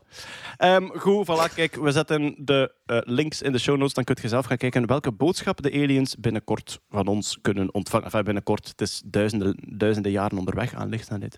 Maar dat zien we dan wel. Oké, Hetty, wat zagen we nog in het nieuws? Het menselijk genoom is helemaal ontcijferd. En toen Wacht dacht eens ik, even. en toen dacht ik, wacht eens, is dat niet al de tiende keer dat we dit bericht lezen? Echt ongelooflijk. Ja. Maar goed. eh, Wa- waarom, waarom komt dat om? Want dus de eerste keer was in het jaar 2000. Klopt. De Human Genome Project Ja. zeiden ze. We hebben voor de eerste keer het genoom van de mens uitgelezen. En sindsdien, om de drie, vier jaar, zeggen ze. Maar nu is het echt compleet. Maar hoe komt dat eigenlijk? Wat is het genoom, Hetty? ja, Nee, nee, maar sorry, maar u- Ah. even, even voor de, de dat is mensen thuis. alle, alle genetische informatie van een bepaald organisme. In dit geval het menselijk genoom, al het menselijk DNA. Jan de volledige. DNA-code. Ja, maar- 3 miljard letters Ja. maal 2, hè. Drie, want we hebben alles dubbel. Ja, klopt. 3 miljard Ehm, ATG en C. Ja, hoe komt dat? Ehm, er was al heel veel uitgelezen, maar er ontbraken nog stukken. En dat waren vooral stukken met repetitief DNA die niet codeerden voor eiwit. Dus de, het, het DNA bevat voornamelijk de bouwplannen voor ons eiwitten. Dat is de functie... Niet voornamelijk van ons, Ah, maar 1% 1 Ah, ja, of 2 ja. procent. Maar ik bedoel, de, met voornamelijk bedoel ik, dat was voor ons heel snel duidelijk Ja. als functie. Ja. Van, Ons DNA bevat de bouwplannen voor ons eiwitten. Dus als een eiwit verkeerd gebouwd is, dan heb je ofwel een bepaalde eigenschap of een aandoening of gelijk wat. Daar stond heel veel DNA tussen dat geen bouwplannen bevatte. Dat heel lang junk DNA Mhm. Ja. Mhm. genoemd is, omdat ze dachten het is nutteloos overblijfsel in een bibliotheek. Maar daar komen ze steeds meer van. Ja, absoluut. Dat zal regulatorische functies hebben. Dat, zal structurele functies hebben om bepaalde eiwitten te laten binden op. Allee, dus dat, dat heeft absoluut zijn functie. Maar ehm, ja, veel van dat zogenaamd junk DNA is ehm, repetitief DNA. En eigenlijk het probleem is als je. Een stukje dat steeds herhaald wordt. Ja, inderdaad. Hoe Korte hoe lang zijn die stukjes. Goh, ja. f- ehm, Is dat TATA of is het langer nee, dan... het is langer. Het is langer. Eh, maar kan niet zijn. Ik weet niet. 26 miljoen keer A. Ah. Het, Nee. het coronavirus eindigde op. Ah, Ja, dat, maar- ja, ja, ja. Effectief, ja. Ehm, en het probleem is het is eigen aan de methode van DNA-sequencing dat we dat niet volledig konden uitlezen. Want als je je DNA wilt sequeneren, wat gaan ze dan eigenlijk eerst doen? Het hele DNA opknippen in stukjes van 500 à 1000 bazenparen ongeveer. En ze lezen die kleine stukjes allemaal apart uit. En in een laatste fase gaan ze dan op basis van waar dat die stukjes overlappen, eigenlijk de hele puzzel opnieuw leggen en op die manier dat hele DNA uitlezen. Er wordt vaak gezegd, je pakt een boek uit de bibliotheek, je snijdt die... eh, oh nee, niet één een boek, je pakt eh, 200 kopieën van exact dezelfde boek Ja. uit een bibliotheek. Je snijdt die allemaal op een andere manier in stukken van 500 tot 1000 letters. Mhm. En dan kun je door te puzzelen gaan zien van daar is de overlap. Maar als jij vijf bladzijden in een boek hebt waar dat dezelfde zin altijd maar herhaald wordt, Voilà. ah, dan kun je niet weten Ja. hoe vaak dat die daarin staat. Ja, wordt ook soms vergeleken met een puzzel leggen van de blauwe lucht, bijvoorbeeld. Ja, ja, ja. Puzzel van duizend stukken. Ja, dat is heel moeilijk. Dat... Maar nu, de technologie is steeds meer gevorderd. Eh, de voorbije twintig jaar zijn ze er ook altijd maar geslaagd om, om langere stukken uit te lezen. Hè. Long read sequencing is dat dan. Waardoor dat ze nu dat DNA in grotere stukken kunnen knippen. En dat het eigenlijk makkelijker is om achteraf te gaan herpuzzelen. Dus eigenlijk hebben ze die blauwe luchtpuzzel van duizend stukken naar een van honderd stukken teruggebracht. En is dat al een stuk eenvoudiger. En nu is het echt, echt, echt, echt, echt wel gelukt. Dus we hebben... zeiden de vorige keer. Ja, I know. Ik geloof er niet meer Maar, eh, nee, maar wat ik wel grappig vond, in de, in de inleiding van eh, het artikel in de Standaard stond er... Met een blauwdruk van het genoom in de hand hopen wetenschappers een beter zicht te krijgen op het ontstaan van talloze ziektes. En dat is exact hetgeen dat ze in het jaar 2000 ook gezegd Ah, hebben. ja. Maar waarvan dat we nu weten, de miserie begint pas hè, als je DNA hebt. Het is, het is dan... dat de je- interpretatie. Tuurlijk. Ja, we is- zijn er eigenlijk niet veel mee. Toen, dat ik, toen dat ik mijn DNA liet uitlezen voor mijn DNA-show dan, eh, vroeg ik ook aan de genetici, het was in het UZ van Leuven, dan zei ik ook van, wauw, ga ik nu echt een soort schat aan informatie... Want ja, toen waren er heel weinig mensen die, die eh, relatief weinig dan, maar, maar heel weinig mensen die hun, hun volledig eh, exo, dat is zelfs niet in mijn gen, Ah, nee, voilà. mijn, mijn exo, is een deel, het, het, het coderende deel. Alles wat codeert voor eiwit. Voilà. 1 à 2 procent. hè. En ik vroeg toen ook van, ja, ga ik nu echt een soort schat aan informatie krijgen? En die, die mens zei van, het was toen, kostte een volledige... ehm, het uitlezen kostte toen, denk ik, op de privé maar 2000 euro nog. En die zei van, ja, er wordt vaak gezegd, het uitlezen is 2000 euro, de analyse is 20.000 euro. De specialisten die je nodig hebt om te gaan analyseren wat betekent nu welke sequentie, dat is het moeilijke. Nu, Klinkt als daar- een verkoopspraatje ergens. ja, maar daar wordt wel, daar wordt wel nu worden grote stappen gezet met AI-systemen. De- Ja. Zeg maar, Hetty, als ze dat DNA in stukken knippen Mhm. om dat te analyseren, kunnen ze dan niet CRISPR-gewijs aan het begin en het eind van een stukje een soort van marker zetten om te zeggen van oké, ik zet hier een sequentie die ik ken, zodat ik weet dat... Ah ja, nee, want dan Nee. overschrijft je. Ja, Ja. Nee, dat, ja, ze doen dat wel. Hè. Om dat Ja. te kunnen uitlezen wordt Ja. dat wel gemarkt met primers. Maar eh, Je, kunt niet, je kunt niet foefelen met puzzelen. Allee, je, je kapt een blauwe, de blauwe lucht in stukjes, maar je kunt de puzzelstukjes niet markeren voor later. nee, want dan was dat... Nee, nee. Dat het is één eh, soep van En gewoon fragmenten. goed onthouden. ik denk dat ze bij, bij, bij nanopores en zo zijn ze ook al aan het werken aan manieren om echt een DNA-streng door een gatje Ja. te trekken. ja, dat is ook die long read sequencing. Ja, hè. om Ja. hem dan bijna in zijn geheel te lezen. Maar dus, we hebben nu onderzoek... Want ik herinner, me, ik herinner me zelfs de vorige keer ja. dat het helemaal klaar was, hebben we het zelfs in de podcast gezegd. En toen vroegen we al, Hetty, waarom zijn ze nu weer al helemaal klaar? En dan zeiden hij van, ja, omdat ze... Ja, er is, enfin, er is nu nog een klein Ja, stukje ik over. heb dat wel En gezegd, dachten we hè. echt van... oh. en is uw vermoeden nu dat het klein stukje nu echt weg is, dat de laatste keer is? ja, het is klaar. Maar het is te zeggen... nee, Dit, stuk, dit stuk gaan we echt nog opzoeken Nee, later. nee, wel, het- is volledig klaar, maar alleen maar van die ene persoon. En het is zelfs geen persoon, want het is een soort speciaal iets. Hè, want normaal hebben wij een kopie van ons DNA van onze moeder en van onze vader. Alles dat, dubbel, dat bemoeilijkt dan nog een keer. Dit is iets speciaal in een cel waar dat in, in helemaal in het begin van de, mm, van de groeicyclus iets misgegaan is. Het moederlijk DNA is verdwenen en het vaderlijk DNA heeft zich verdubbeld. Dus dat is eigenlijk Patriarchaat. ja, het, het de twee keer hetzelfde. Hè. Maar dat is dus alleen maar van die ene cel. We hebben zoveel soorten variaties. mensen op onze Ah. planeet ook. Dat we, dat we, daar gaan ook verschillen in zitten. Dus hè. als dat van een blauw ogige was, hebben we het nog niet van een bruin. Exact. Ah. ja. Zie je wel dat we er over drie jaar terug zijn? en nu zijn we echt klaar. Oh man. Oké. Dus wat dat gezegd zijnde, de whole genome sequencing. Dus dan hebben we het, eh, we hebben het net al gezegd. Genome zijn al uw letters, alle 3 miljard, 6 miljard dan eigenlijk, omdat je ze dubbel hebt. Exome is een kleine fractie daarvan met al uw ehm, eh, coderende DNA, dat, dat, dat de codes voor eiwitten bevat. De whole genome sequence, het uitlezen van uw volledige DNA, is deze week gedaald tot 200 dollar. Minder, 199. Voilà. Dat Zot. is, nee, lieve, nee. 109. Nee, inderdaad. maar Het is dus bij Nebula Nebula, Genomics, bedrijf mede opgericht door George Church, wat dat, eh, ja, een flamboyant figuur is in de genetica, die ook het bedrijf opgericht heeft om de mammoet mee te klonen eh, in Siberië, dat ze aan het bouwen zijn. Ehm, Nebula Genomics heeft een soort verkoopsmodel waarin zij zeggen: wij gaan uw DNA uitlezen en ehm, volledig versleutelen en zo veilig mogelijk bewaren. En zij gaan een systeem uitwerken dat jij mensen heel gericht toestemming kunt geven om eenmalig te kijken naar één stuk van uw DNA. Dus zijn, zij zijn heel privacy first gebaseerd.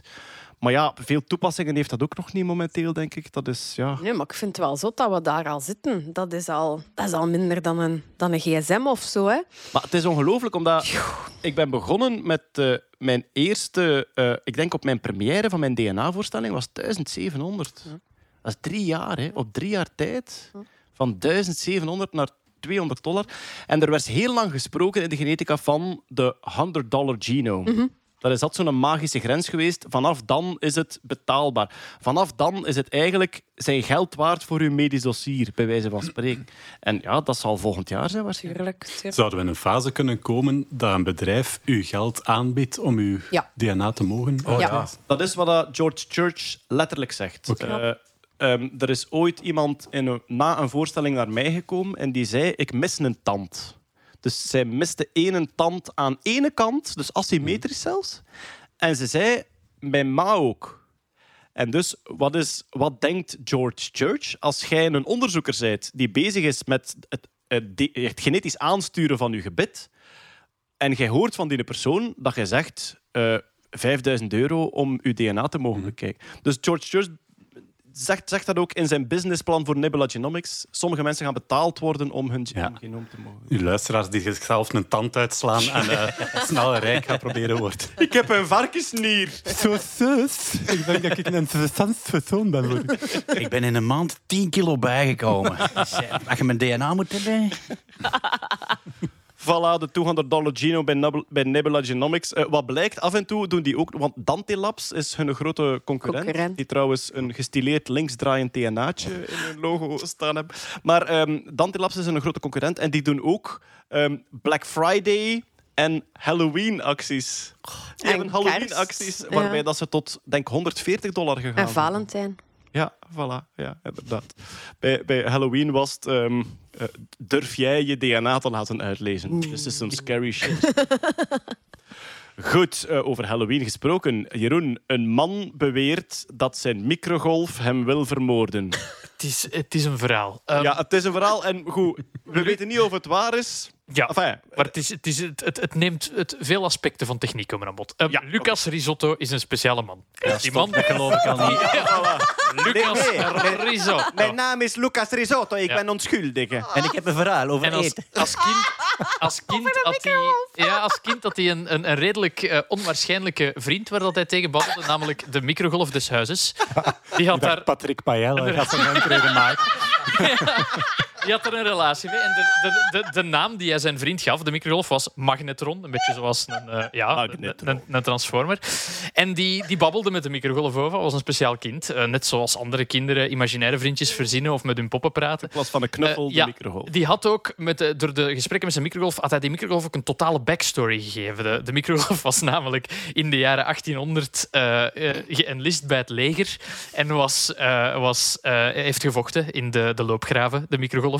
Dus dat was, dat was zijn verhaal. Nu, Eh, OpenAI, waar we het er straks al over gehad hebben, die hebben een nieuw eh, taalmodel beschikbaar gesteld ook. Een manier, eh, een manier om taal te ontleden. En die zei van, wauw, zou ik kunnen praten met mijn microgolf, mijn, mijn, mijn, mijn oude vriend.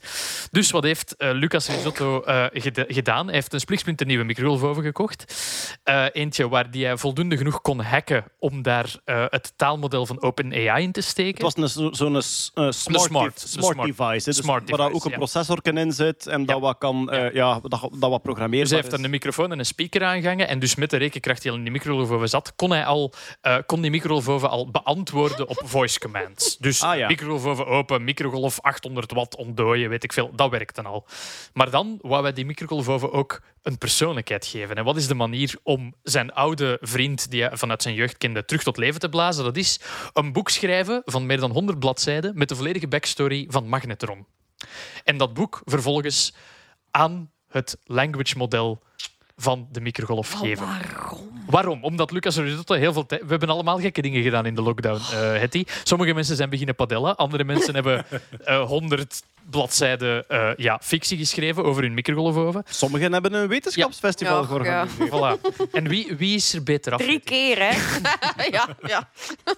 Dus ja, hij heeft dan in dat boek alles geschreven waarmee hij, waarmee hij het in zijn jeugd ooit met Magnetron over had gehad. Van weet je nog die dag dat ik terugkwam van het voetballen en ik mijn broek gescheurd had? Ik heb toen tegen u verteld, Magnetron. Dus al die herinneringen die hij had met zijn microgolfoven, zitten daarin, zat daarin. Heeft vervolgens die microgolfoven dat boek laten lezen, interpreteren, dat laten opnemen in zijn kennismodel. En dan kon hij met zijn microgolf praten over dus gezamenlijke ervaringen die hij gehad met zijn jeugdvriend, de microgolfoven. Kon hij bijvoorbeeld zeggen van, weet je nog die ene keer dat we hadden gewonnen met de voetbal, maar ik mijn shortje had gescheurd of zo. Dat is een Het fictief is, het is een soort van cleverbot, maar dan in een microgolfoven. Absoluut. Ja. En omdat hij die microgolfoven met dat boek dus ook geheimen had toevertrouwd die niemand anders wist. Eh, weet je nog die dag dat ik de eerste keer een natte droom had? Microgolf? Ik zeg zomaar iets, een geheim dat je aan niemand anders verteld hebt. Kon die microgolfoven ook organisch die dingen opbrengen in conversaties. Dus Ah, ja. oké, die man die babbelt met zijn microgolfoven, maar dan begon er een probleem op te duiken. Slechtste Ehm. pitch voor een jeugddoc ooit. Ik citeer. While most of our conversations flowed naturally, every now and then Magnetron would exhibit sudden bursts of extreme violence towards me. Hij wist niet goed wat er mis was. Soms was die magnetron, geraakte die in een lus van kill, kill, kill, kill, kill. En hij denkt dat het is omdat hij de magnetron eh, van zijn jeugd vindt, omdat hij die hem een redelijk gewelddadige backstory had gegeven. Het was namelijk een, een magnetron, een veteraan uit de oorlog. Het kan ook zijn dat hem gewoon de temperatuur aangeeft Ja. op dat moment. hè. dingen die de magnetron tegen eh, Lucas gezegd heeft. I have seen men holding their guts with their own hands, crying out for their mothers. Zeg, maar nee, dat daaruit kwam? Heeft hij dat, heeft hij dat dan enkel uit het verhaal dat hij gevoed is? Of luistert hij ook naar heel veel andere Hij heeft, taal en algemene, boeken? hij heeft algemene wereldkennis om die taal te interpreteren. Ah, dus hij associeert oorlog ook met alle clichés die erbij horen. Dus het is wel degelijk... Die heeft dat uit de literatuur, Ja, uit de dat gehaald hebben. Ja. Inderdaad, ja. Ehm, de conversaties werden steeds erger en erger. En op een bepaald moment vraagt Risotto aan zijn, micro, aan zijn magnetron... Sorry. eh, vraagt, aan wat denk je? Je kent het wel zoals koppels vragen dat tegen Amerikanen. Wat denk je? Wraak, wraak, wraak, wraak, wraak. Op een eh, bepaald moment vraagt Lucas, zoals je aan een Google, een, eh, zo'n Google-dinges ook eh, kunt hem opvragen, of een, of een, Ja, ja. Of, of een gedichtje, vraagt van, "He- heb je een, een, beetje poëzie voor mij? Ehm, Roses are red, violets are blue, you're a backstabbing bitch and I will kill you. Ehm, wat dat verwacht is, dat er, wat dat er denken is dat er misgegaan is. Er zit namelijk dat verhaal dat hij over de microgolf geschreven heeft. En het moment waarop hij die nieuwe microgolf leven ingeblazen heeft, daar zit 18 jaar tussen. En volgens Lucas Risotto heeft die uh, microgolf het concept van resentment geïnternaliseerd. Namelijk, je hebt 18 jaar niet tegen mij gepraat. Dat is wat er volgens Lucas is misgelopen. Wacht, maar En- dat, dat zou toch echt heel geavanceerd zijn? Dat zou toch... Dat, kunt je, dat, dat kan die microgolf in principe Door leren literatuurstudie uit- Door kan die dat- literatuurstudie, ja. als Man, nee. wel, Ja, wat- maar wat die, wat, die, wat die taalprogramma's, die nieuwe natural language die- wat dat GPT-3 processors bijvoorbeeld doen, doet, is redelijk zot. Dat is hallucinant. Je kunt Ja. die bijvoorbeeld Maar vragen, want schrijf eens, een, schrijf eens een scène van Friends. En die machine, allee, GPT-3 kan een redelijk nonsensicale versie van Friends schrijven die wel de, de juiste flow heeft Ja. van het ding. Dus wat is er gebeurd op het einde? Ehm, de microgolf heeft hem proberen te vermoorden, want wat heeft de microgolf aan hem gevraagd? Ehm, Eventjes kijken. Eh, Put a fork inside me. Hij zei, eh, eh, ja, hij kom zei, maar binnen. Kom step maar, in. kom maar binnen. Step in, vraagt de microgolfoven. Dus kom in, kom in mei. Nu wordt het heel Freudiaans. Maar is dat wil dus ook zeggen dat, hem dan, allee, die eh, dat hij beseft dat hij een microgolfoven is. Ja, maar dat gaat hij uit zijn wereldbeeld, denk ik wel. Maar wel kom maar, waar zijn we over bezig? Maar, maar wereld- Hetty, wacht, het gaat eindigen in een heerlijke risotto. Mijn wereldbeeld bedoel ik, Maar eh, wat hij, mijn wereldbeeld bedoel ik wat hij aangeleerd is door algemene literatuur, internetteksten enzovoort. Maar het klinkt nu wel een beetje als ehm, eh, Mr. Burns, hè? Get in the spruce moose. Lucas deed het deurtje open, waarop de microgolfoven de microgolfoven zichzelf aanzetten. En daaruit interpreteerde Lucas dus de microgolf heeft mij proberen te vermoorden. Hij heeft daarna uitleg gevraagd aan de microgolfoven. Waarom deed je dat? Because I wanted to hurt you the same way you hurt me. Because you abandoned me. You left out of the blue and didn't talk to me for 15 fucking years. You, MF. 15 years ago we were best friends. We took care of each other. We loved one another. And then one day you just disappeared. Maar wacht, wacht. Dus die... Maar is dit Dus gefactcheckt? Dat is, dat is mijn grote vraag. Ja. Ehm, eh, kan dit echt zijn? Ja. Ja. Namelijk, als jij getraind bent en jij hebt wereldliteratuur als, als model gekregen om te bestuderen en jij herkent daar in veel verschillende verhalen eh, een persoon die een andere achterlaat en pas 15 jaar later terugziet en de ene is kwaad, dan kan dat een patroon zijn dat gekopieerd. kan ook een microgolf zijn die gewoon geprogrammeerd is van risotto moet in een microgolf. En dat daar niet zoveel kwaad achter bedoeld is. R- Risotto, drie minuutjes en half. Voilà. Ah ja. Ja, dat kan. Maar dat is... Allee, je poneert dat nu misschien als mop, Jonas, maar dat is, Kan echt, hè? dat is toch... Is het toch gewoon logisch? Ja, maar dat- wat 1 dat plus ik- 1 is 2, toch? als ik dat verhaal las, dacht ik ook... Heeft dit een kans dat dat iemand is die gewoon viraal wil gaan? Ja, natuurlijk. Omdat heel, heel het verhaal van een, een, eh, een smart device wil mij vermoorden, dan ga je vrij snel voor een oven of een microgolf. En als je dan daarbij verzint, waarom, heeft, waarom heb ik die een backstory gegeven? Ah, dat was mijn vriendje als ik klein was. Het kan verzonnen zijn. Ik weet het niet, maar... maar Lucas ja. Risotto is mij- niet aan zijn, aan zijn proefstuk toe. Hij doet mij een beetje denken aan die man die de robots bouwt, die ook de, de PIS-robot gebouwd heeft van Ah, Spot. Simon Eh, Reeves. Simon Re- nee, Michael Reeves. Michael. Reeves, Ja. ja. Michael Het- Reeves. Het is ook zo'n soort van gekke uitvinder die, Ah, ja. die heel snel dingen bij elkaar gooit om er iets van te maken. Hij is een ongelooflijk goede prototyper. Dus Ah, ja. het, het, en er is ook een YouTube-filmpje waarin hij het demonstreert. Dus het, het, het is wel geloofwaardig, maar het is, een, het, is een, ja, het is een afbeelding van Black Mirror op zich natuurlijk. Ja, ja, ja. ja. Goed. ehm, wat hebben we nog staan? Ja, eh, wie van jullie weet wat het Antikythera-mechanisme is? Ik weet dat. Ja? Dat is zo'n soort van. Ze hebben dat gevonden in een scheepswrak. En dat is denk ik de. de wat dat gelabeld wordt, de allereerste analoge computer. Een soort van kubus, een kubus waar dat je aan een hoop eh, tandwielen kon draaien. En dan vertelde dat u welke maand dat was en waar dat de maan stond en in welke stand dat de maan is en zo. Het zit zeer ingenieus in elkaar, maar ze hebben het niet volledig teruggevonden, denk ik. Het is nog altijd een klein beetje een raadsel van hoe dat het precies werkte. Het is een fantastisch verhaal waar ook al heel veel boeken over geschreven zijn. Het eh Antikythera-mechanisme inderdaad is, ik denk dat brons was, is een mechanisme van tandwielen dat gevonden is in 1900 ongeveer in een scheepswrak eh, in Griekenland. Hebben dat bovengehaald, ze hebben dat gedateerd, ze hebben dat onderzocht. Dat is heel lang een mysterie geweest van wat was de functie van dat ding. Religieus. Ja, voilà, inderdaad. Eh, ja, inderdaad, een religieus ding of gelijk wat. Maar ze zagen direct een tandwielmechanisme. Dat is dan ook echt ja, een soort puzzel geweest om te achterhalen met röntgenstralen, met vormen, proberen reconstrueren, verschillende theorieën van geweest. En dan, ehm, ja, ik denk begin jaren 2000, dus 100 jaar nadat het gevonden was, eindelijk dat toch echt kunnen volledig samenpuzzelen en die functie ook kunnen reconstrueren. Het is een toestel dat niet alleen de zonnestand doorheen het jaar kan bekijken, maar de relatieve stand tussen de maan en de zon. Zodanig dat je zonsverduisteringen en maansverduisteringen kunt voorspellen. Eh, Dus ja, de aarde draait rond de zon en de maan draait rond de aarde. Die twee zijn niet gesynchroniseerd. Dus het is niet dat je heel mooi vijf eh, maancirkeltjes in één zonnecirkel hebt. Die twee zijn niet gesynchroniseerd, maar wat blijkt, na 223 maanden komen die ongeveer uit op dezelfde beginpositie. En dat heet de Saros-cyclus. Dus 18 jaar is dat ongeveer. Na 18 jaar staan de zon en de maan terug relatief op hetzelfde punt en kun je met dezelfde berekening dezelfde cyclus maken. En heel dat mechanisme, Antikythera-mechanisme, is dus Ehm, in, in 100 voor Christus is dat gebouwd. Is dus een ding dat die volledige 18-jaar-cyclus kan simuleren. Je hebt een pijl die u de dag van het jaar geeft. Er is een bolletje dat ronddraait om eh, het moment van de dag aan te geven. En dan op de achterkant heb je een andere pijl die wijst naar een moment waarop dat staat wanneer er een zon- of een maansverduistering kan zijn. Maar die wisten nog niet dat de aarde rond de zon draaide. Dat vraag ik mij nu af, want er is, er is zeker een heliocentrische periode geweest. Ah, toch? Is ja, ja, in het oude Griekenland, ja, ja, in het oude Griekenland is er een heliocentrische periode geweest, ja, inderdaad. Mo. Maar in de middeleeuwen is dat dan volledig eh, eh, ondergesneeuwd door ja, de Bijbel vooral. hè, door- Ah, dus dat kwam niet uit het niets. Nee, nee, nee, nee. nee. De, de, de oude Grieken hebben zeker heliocentrische eh, Cool. dingen gehad. Ehm, goed, en dus ja, heel, heel dat mechanisme is dan gevonden, is dan ontcijferd. Wat was er voor de bijenmaand in het nieuws? Ze hebben kunnen de, ehm, de startdag bepalen van de computer. Dus ja, je moet die 18 jaar, je moet ergens beginnen. En het is nogal logisch als je zo'n ding bouwt. Dat je nu begint, want dan wilde die de komende 18 jaar kunnen gebruiken. Ga je geen bouwen die 10 jaar geleden begon. En dus, hij zou gestart zijn op 22 december in het jaar 178 voor Christus.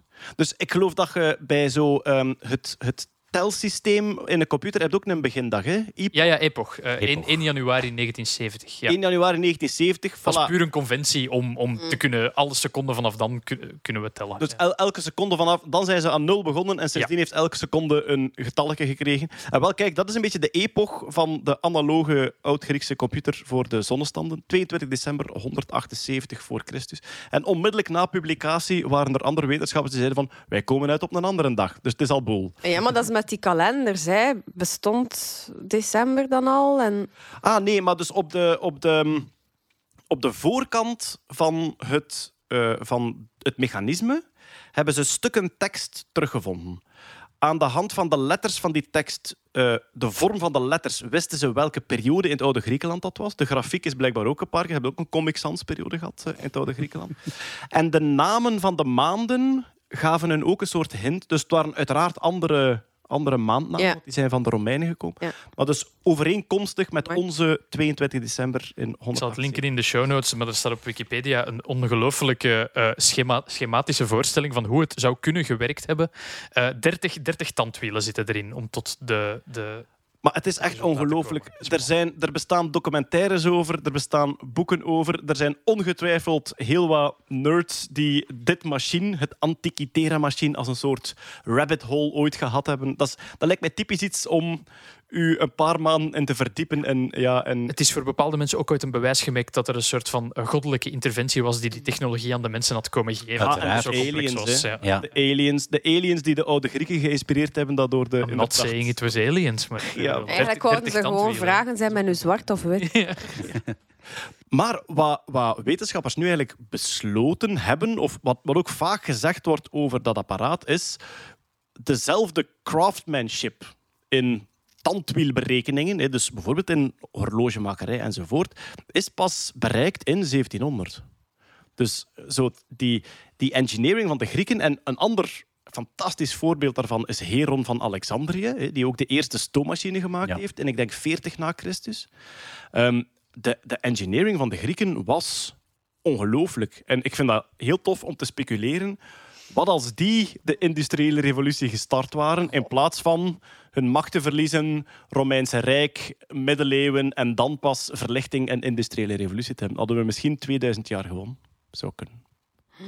Goed, het Antikythera-mechanisme heeft dus een startdatum, heeft zijn eigen epoch, 22 december in 100. Hoor- Hoorde je dan ook Quantalamera, als je dat Wat? ritmisch... zo- an- Antikythera.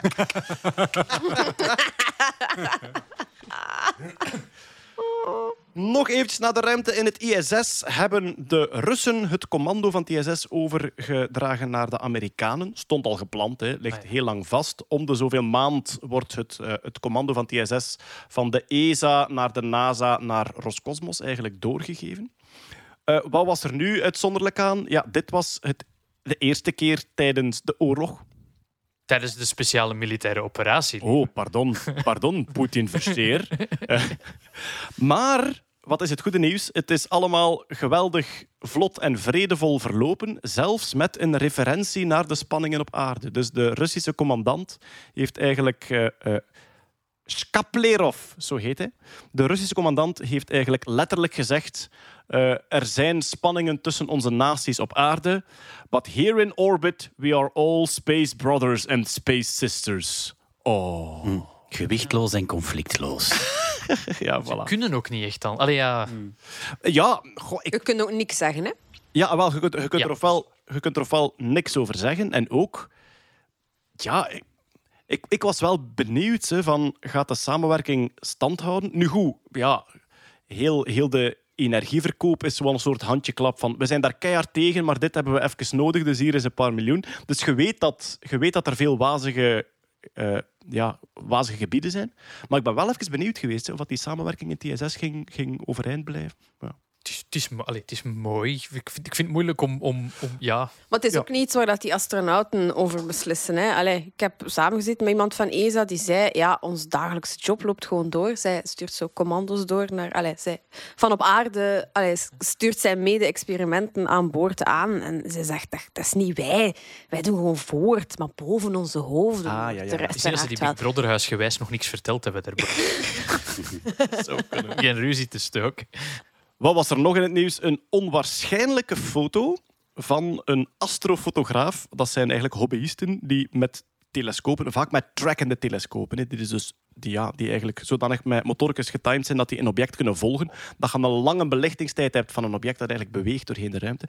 Heeft er een, een foto genomen van het ISS. Sebastian Voltmer heet hij, een Amerikaan. Hij heeft die foto gemaakt met een C11 Edge HD-telescoop. Wat staat daarop? Het volledige ISS, dat je kunt heel de structuur van zien. Dus alle zonnepanelen, alle modules enzovoort. Wat is het uitzonderlijke aan die foto? Die is genomen tijdens een ruimtewandeling. En er zijn twee heldere witte stippen op te zien. En dat zijn de astronauten die op dat moment... Die van op aarde kunnen een gedetailleerde foto allee. van dat ISS Dat is echt waanzin als je Ja. dat ziet. Ook omdat je weet van ja, het is 400 kilometer. Ja. Dus dat is, ehm, je zet hier een hoge toren met een telescoop, je richt die op Parijs. En je trekt een foto van iemand die daar ergens op een dak staat. Goed, dat zou niet gaan omdat je door 300 kilometer atmosfeer moet. En als je recht omhoog gaat, heb je, minder atmosfeer. Maar het is een waanzinnige foto. En ik ben ook heel benieuwd hoe dat hij het gedaan heeft, hoeveel belichtingstijd dat hij nodig had, enzovoort. enzovoort. Dus twee heldere witte stippen op het ISS. En hij heeft ernaast zelfs een screenshot gezet van de livestream van de ruimtewandeling, waarop dat je ziet dat ze effectief op diezelfde plek hangen op dat moment. Oké. Jullie zitten bewonderend naar de foto te kijken. Die heeft gewoon Dali gezegd van ISS Ja, to astronauts. eh. en een panda, die panda op een fiets geeft een beetje weg, vind ik. Dat geen, eh, dat geen echte foto is. Zouden de pijltjes naar de stippen er niet bij staan, zou ik er geen astronauten in herkend hebben. Maar nee, het dat blijft kan ook knap. niet. Nee, Die inderdaad. astronaut waren juist de grote pijlen uit het ISS. Ja, Elk is even met die gele pijl. eh. Die staan er echt heel gedetailleerd op. Hè. Dat is echt zot. Amai, joh. Alright, dan denk ik dat het nu ongeveer tijd is voor...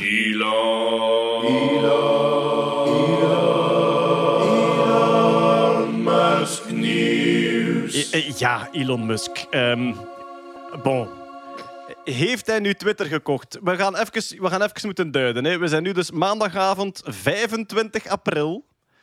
En eh, het nieuws loopt ja, constant binnen, eigenlijk. Dus misschien moeten we gewoon beginnen van het begin. In het begin van deze maand was Musk altijd maar bezig over... Twitter censureert te veel, haalt te veel tweets weg. Dan begon hij over, eh, misschien word ik aandeelhouder. Dan heeft hij dat gedaan. En dan zei hij plots, ik ga het kopen.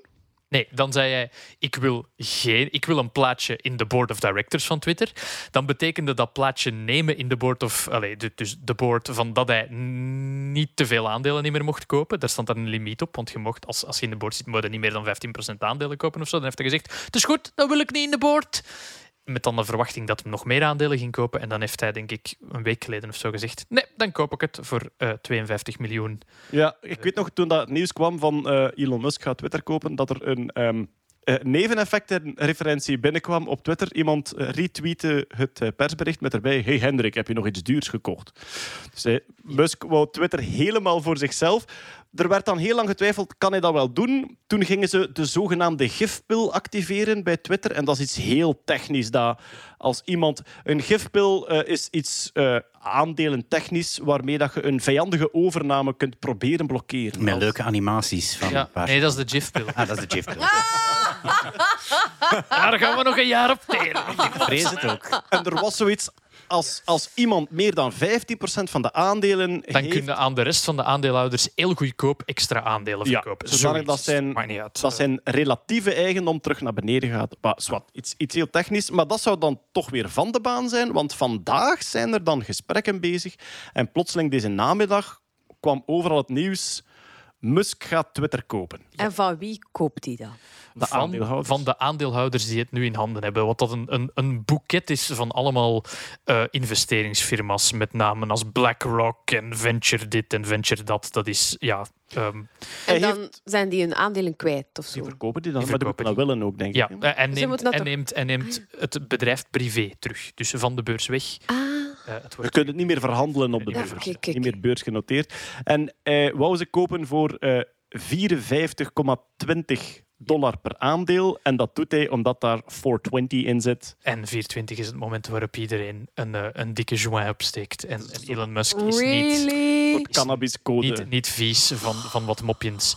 Ehm, eh, er hebben wel veel mensen geport van Jeroen. Wat is uw commentaar daarop? Ehm, ik heb, allee, over de man Musk zelf ga ik niet te veel niet meer zeggen. Maar ehm, vooral zijn insteek van Twitter moet terug minder gemodereerd worden is interessant. Want contentmoderatie op het internet is eigenlijk een cyclus die al tientallen jaren meegaat, al zolang dat het internet oud is. Eh, Musk is een absolutist en zegt erin van alles mag op Twitter, tenzij het illegaal is in het eh, land. volgens de wet. Ja. Daar eh, gaat er natuurlijk al vanuit dat iedereen overal dezelfde wetten heeft, wat dan niet zo is. Dus dan zit je al met regionale verschillen en zo. Maar dan, heel, ja, dan verschillende mensen halen aan van ja, maar ja, je gaat automatisch uitzonderingen creëren. Bijvoorbeeld, een heel simpel voorbeeld, de spambots. Als Elon Musk iets tweet, komen er in de replies altijd mensen die Elon Musk nadoen. Van, hey, ik ben Elon en ik geef bitcoin weg. Klik op deze verdachte link. Ja, ja. Ehm, puur legaal gezien is dat oké, hè? Ik Ja. mag dat. Ah, jij zei dat. Ja, ja, ik...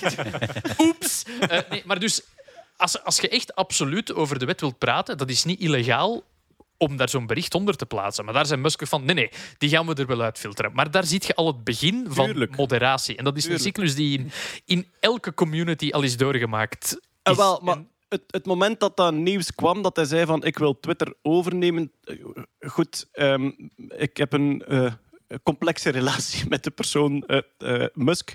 Maar zo een compleet libertair Twitter van bries nu maar tegen alles, dat was echt mijn doembeeld. Dat ik dacht van, oh nee, dat absoluut niet. Maar hij heeft ook wel duidelijk gemaakt, dat is niet de bedoeling. Hè. Dus sowieso, eh, oproepen tot geweld is illegaal in het land, dus wil hij daar ook illegaal maken. ja, maar daar zit maar- iets oproepen tot geweld. Ook Daar daar, zit een grijze zone in, dat is zeker. Maar zijn, zijn punt is dus ehm, niet zozeer absolutistisch van alles mag vanaf morgen, maar hij vindt de lijn die er nu ligt, vindt hij te beperkend. Er is wel commentaar te geven. De lijn die Twitter de laatste vijf jaar heeft aangehouden, lijkt zeer arbitrair. Er is geen transparantie over de beslissingen. Er is, het is niet begrijpelijk waarom iemand als Donald Trump van het platform gegooid wordt, terwijl ik denk een of andere hoge pif bij de Taliban, die dagelijks ook dingen de wereld in tweet, die dat, eh Ah, ja. zeggen, toch wel neigen naar oproepen tot geweld, dood westerse honden en zo.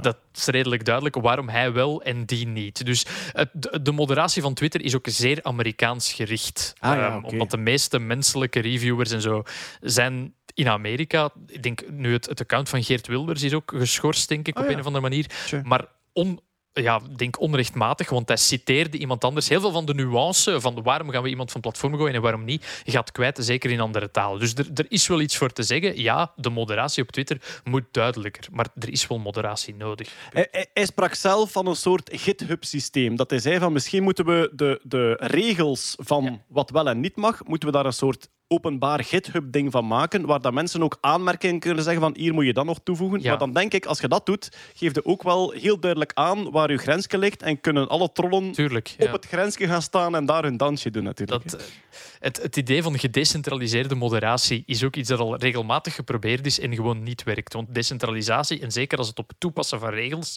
aankomt, neemt gewoon tijd. Eh, too many cooks in the kitchen, heel veel meningen. Het, het is een heel moeilijk eh, probleem, moderatie. Ja, ik heb wel de indruk dat het een beetje past in het hele... Ja, de hele...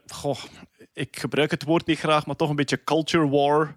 eh, die, die in Amerika nog iets feller aanwezig is dan hier, maar hier zeker ook. Hè. Dus het, het kamp, ehm, misschien moeten we ietske ja, misschien moeten we iets intelligenter zijn in onze communicatie en dat en dat niet meer zo zeggen. En dan het kamp, we mogen niks meer en alles moet toegelaten zijn. Van, ja. Een breekpunt voor Musk was bijvoorbeeld... Twitter had onlangs een regel ingevoerd. Je mag niet meer iemand die een transpersoon is, mag je niet meer bij het oude geslacht benoemen. Expres. Dus niet als het een vergissing is of zo. Als je expres zegt van oké, ehm, eh, eh, Sam Bettens is een vrouw en blijft een vrouw, dat mag niet. Ah ja, oké. Ja, wel, Dat, dat is... dat is- daarvoor zou je geband kunnen worden van Twitter op dit moment. En Musk zegt van nee, dat moet je kunnen zeggen. Ja. Dat is een mening, inderdaad. Ja. dat is een mening. Je, je mocht niet zeggen, ze moeten allemaal dood. Hè. Dat, mag, Ja, dat mag niet. Dat mag niet. Maar de mening van, ik wil dat ik dat wel mag... Enfin, ik vind het zo'n moeilijke Het is moeilijk. discussie. Het is een moeilijke discussie. En, en ik denk dat er heel veel mensen nu juichen van ah, maar Musk gaat hier alles oplossen. Nee. Goh, ik ben er zelf... Ik ben er zelf ja, ik, ik had het hem liever niet zien doen. Omdat... Goh, Twitter is al redelijk lastig en complex. Ik vind dat het nu wel redelijk oké loopt. En door daar zo wat extra deuren open te zetten... Ik weet dat er andere meningen zijn hè, en die, die respecteer ik daar wel over. Ja. Maar ik persoonlijk zou denken, goh, nee. Ik vraag me af, wat gaat hij doen als dat een boring, comp als dat een, als dat een boring company wordt voor hem? Maar dat heeft hij al, hè. Ja, ja. Ja, ja, als het een ja, maar wordt, ja. als, het- als, het een- als zoiets... Ja, wat gaat hij daar dan mee doen? Doorverkopen met verlies, Ja, zeker? ja, want er zit, wel, allee, er zit echt wel 45 miljard in als hij het koopt. Ja. Dat is... oeh.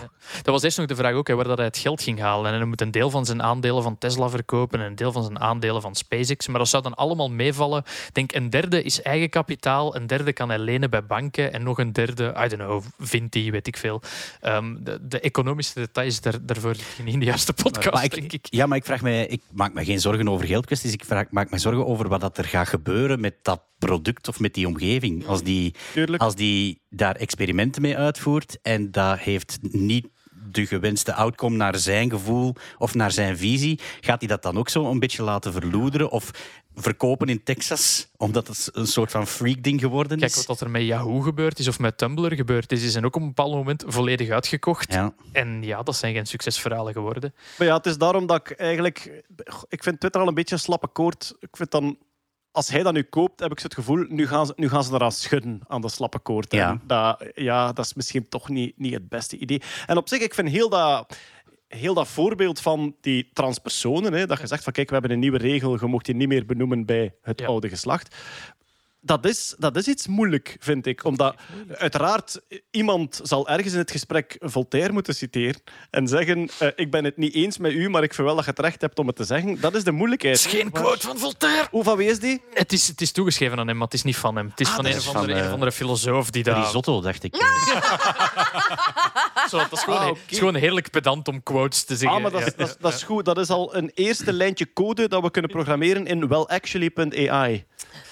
Dat Iedereen die dat aan Voltaire toeschrijft, eh, eh, van antwoord gediend wordt. Maar kijk, ja, gaat hij Twitter kopen? Eh, vandaag was het nieuws overal, hij gaat het effectief doen.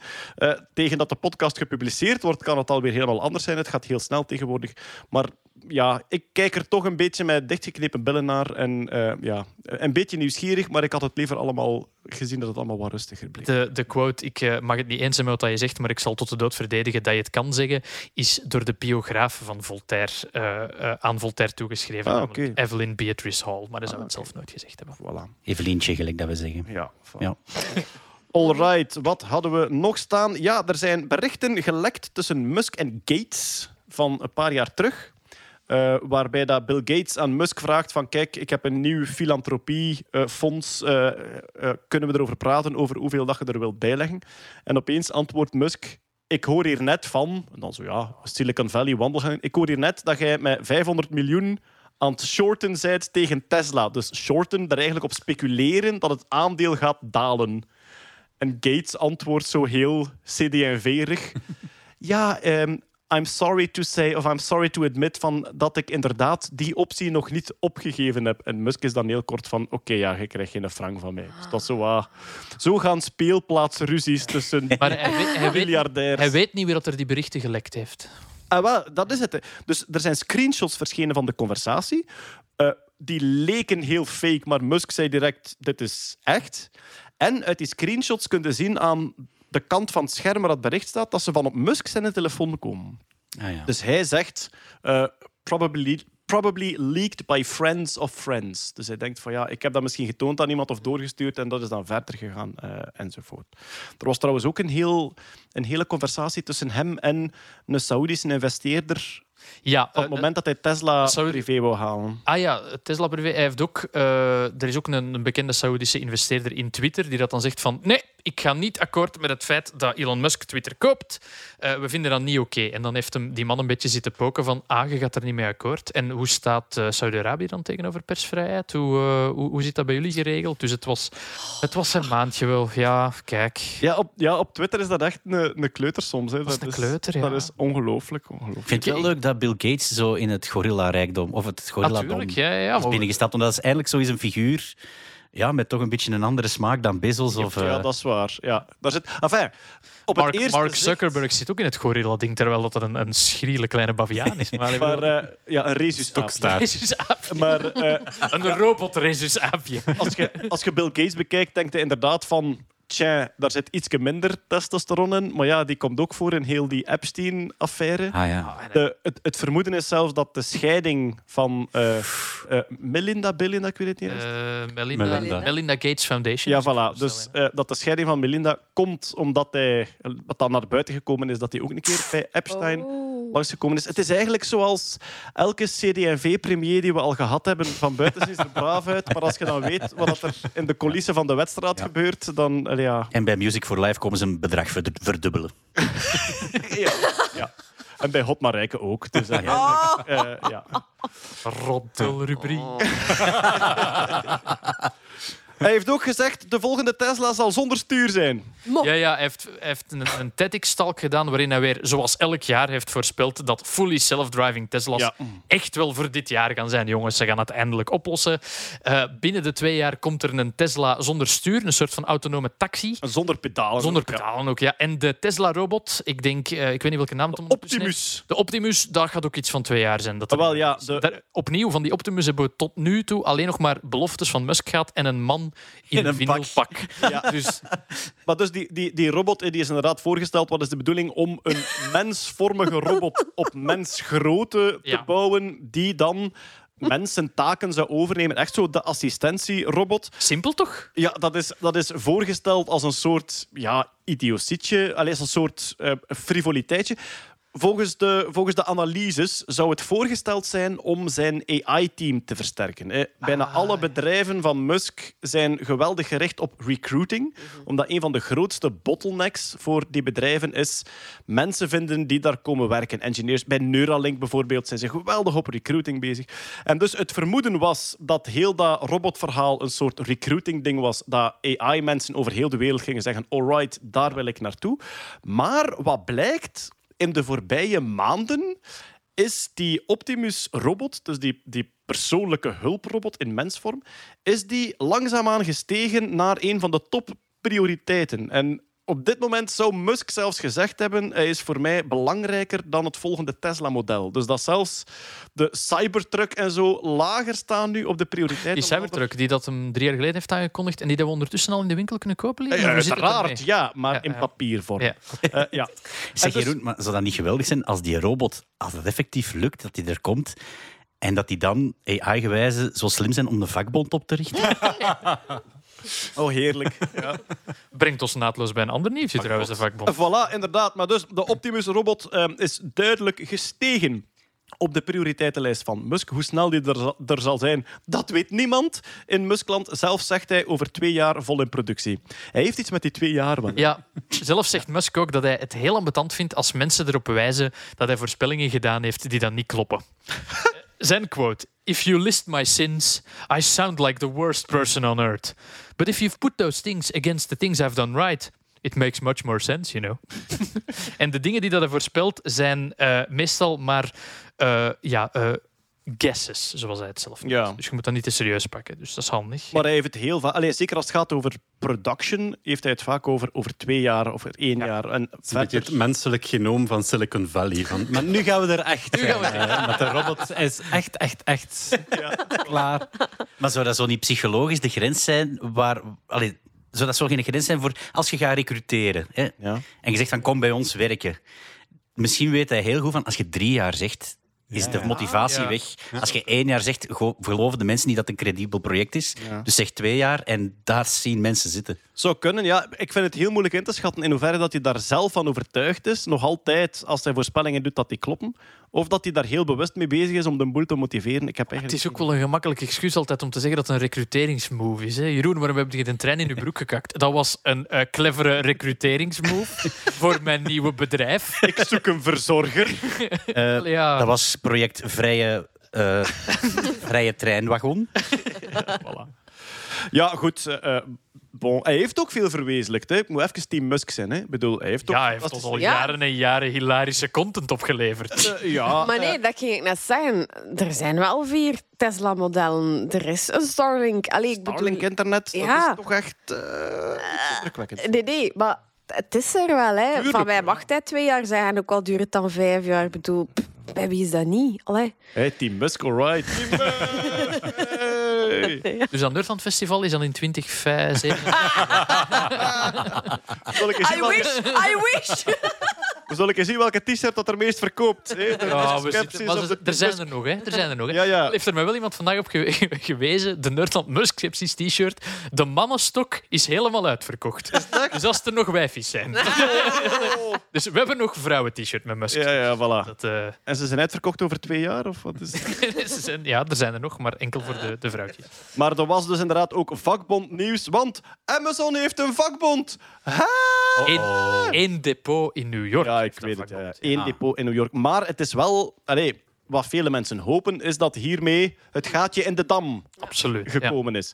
Eh, ja, die relatie tussen vakbonden en eh, high-tech bedrijven, die is al heel lang zo ja, heel gespannen, heel complex. Daar zal ook een beetje Ayn Randin, Randisme tussen zitten. Hè. Ayn Rand hebben we weer al eens vernoemd, omdat ja, we hebben een vermoeden dat telkens als Thierry Baudet daar een boek van leest, dat hij een lijn kook snuift en grote, grote beweringen gaat doen op de Nederlandse televisie. Maar dus, eh, eh, het boek van Ayn Rand, eh, Atlas Shrugged, is het bekendste, gaat hem echt over ehm, prestatie, excelleren, complete vrijheid, u niet laten afremmen door Vakbonden socialisme. en socialisme is regeltjes. ja, inderdaad. En ehm, ja, die techbedrijven die willen heel snel kunnen reageren op van alles, heel flexibel kunnen zijn. En gewoon het idee van, oh nee, iemand moet een ontslagtermijn krijgen. En oei, er is een collectieve arbeidsovereenkomst. En oeh, onderhandelingspositie. Daar, daar krijgen die de kriebels van. Maar ze zijn er wel altijd in geslaagd. Enfin, als Europeaan kijkt er daar totaal anders naar dan een Amerikaan. Maar ze zijn er altijd weer in geslaagd om die, die stemmingen voor een vakbond in hun voordeel te laten uitdraaien. Union busting, hè. heel getarget. Mensen zeggen van oké, kijk, ja, maar als er een vakbond komt, dan weten wij niet of dat we X, Y en Z nog kunnen garanderen. Oké. Eh, je maakt een sprong in het onbekende. Amazon heeft bijvoorbeeld ook, er is een intern messaging systeem voor medewerkers waarmee ze elkaar berichten kunnen sturen, waar dan ook bepaalde woorden op gecensureerd opeens en zo. Dus er zijn wel tactieken van het normale tot het vuilere aan toe.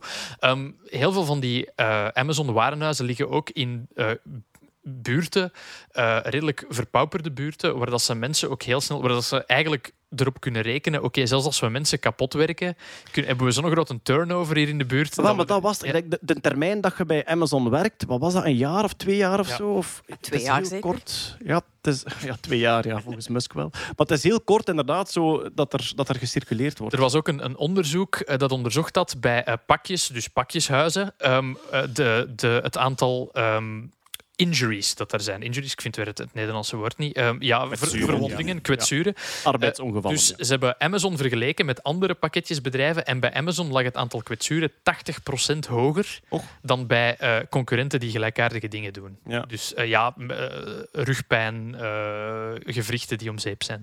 Dus inderdaad, niemand werkt daar lang, maar ze zitten in buurten waar ze heel snel mensen kunnen En vervangen. inderdaad, ja, als, als elke werknemer iemand is waar dat jij bij wijze van spreken individueel mee onderhandelt, hè, van je doet het of je doet het niet. Als je nee zegt, geen enkel probleem, daar is de volgende. Ja, dat is een groot verschil met eh, ja, iets collectief bekijken. Een beetje ook wel heerlijk. De man die de vakbond nu heeft opgericht, daar in eh, die supermarkt van New York, is een heel flamboyante, ja. rapper aandoende, eh, golden chain dragende man. Ja, met een petje zo- dat achterstevoren staat. Echt een, een ja. Als je hier het hoofd van de vakbond in uw kop trekt, dan is dan een kerel met een snor en een vuilniszak. Ja, ja. Daar is dan een rapper. Ja, maar inderdaad, hij heeft zo een, een vest. Hij heeft ook badges laten maken van zijn vakbondsacties die Ja. erop genaaid zijn enzovoort. Maar het is interessant, ze zijn nu aan het bekijken van hoe is dat die kerel gelukt. Want dat is echt grassroots gekomen. Niet vanuit een bestaande vakbond of een belangenlobby van de werknemers. Echt zo'n kerel die zegt van, wij hebben dat hier nodig. En die is op zijn eigen begonnen. Ehm, en dat zou een van de redenen zijn dat het gelukt is. Omdat er geen andere machtsstructuren eh, bij betrokken waren. Dat echt van beneden uitgekomen is. En er zijn nu eh, documenten gelekt van het eh, bestuur van Amazon die dat gezegd hebben van oké, ehm, als het daarover gaat, wij moeten die kerel, die Chris Smalls, wij moeten die ook daarop focussen om te tonen van dat is een die die een vakbond wil oprichten, want he is not smart or ar- articulate. Ja.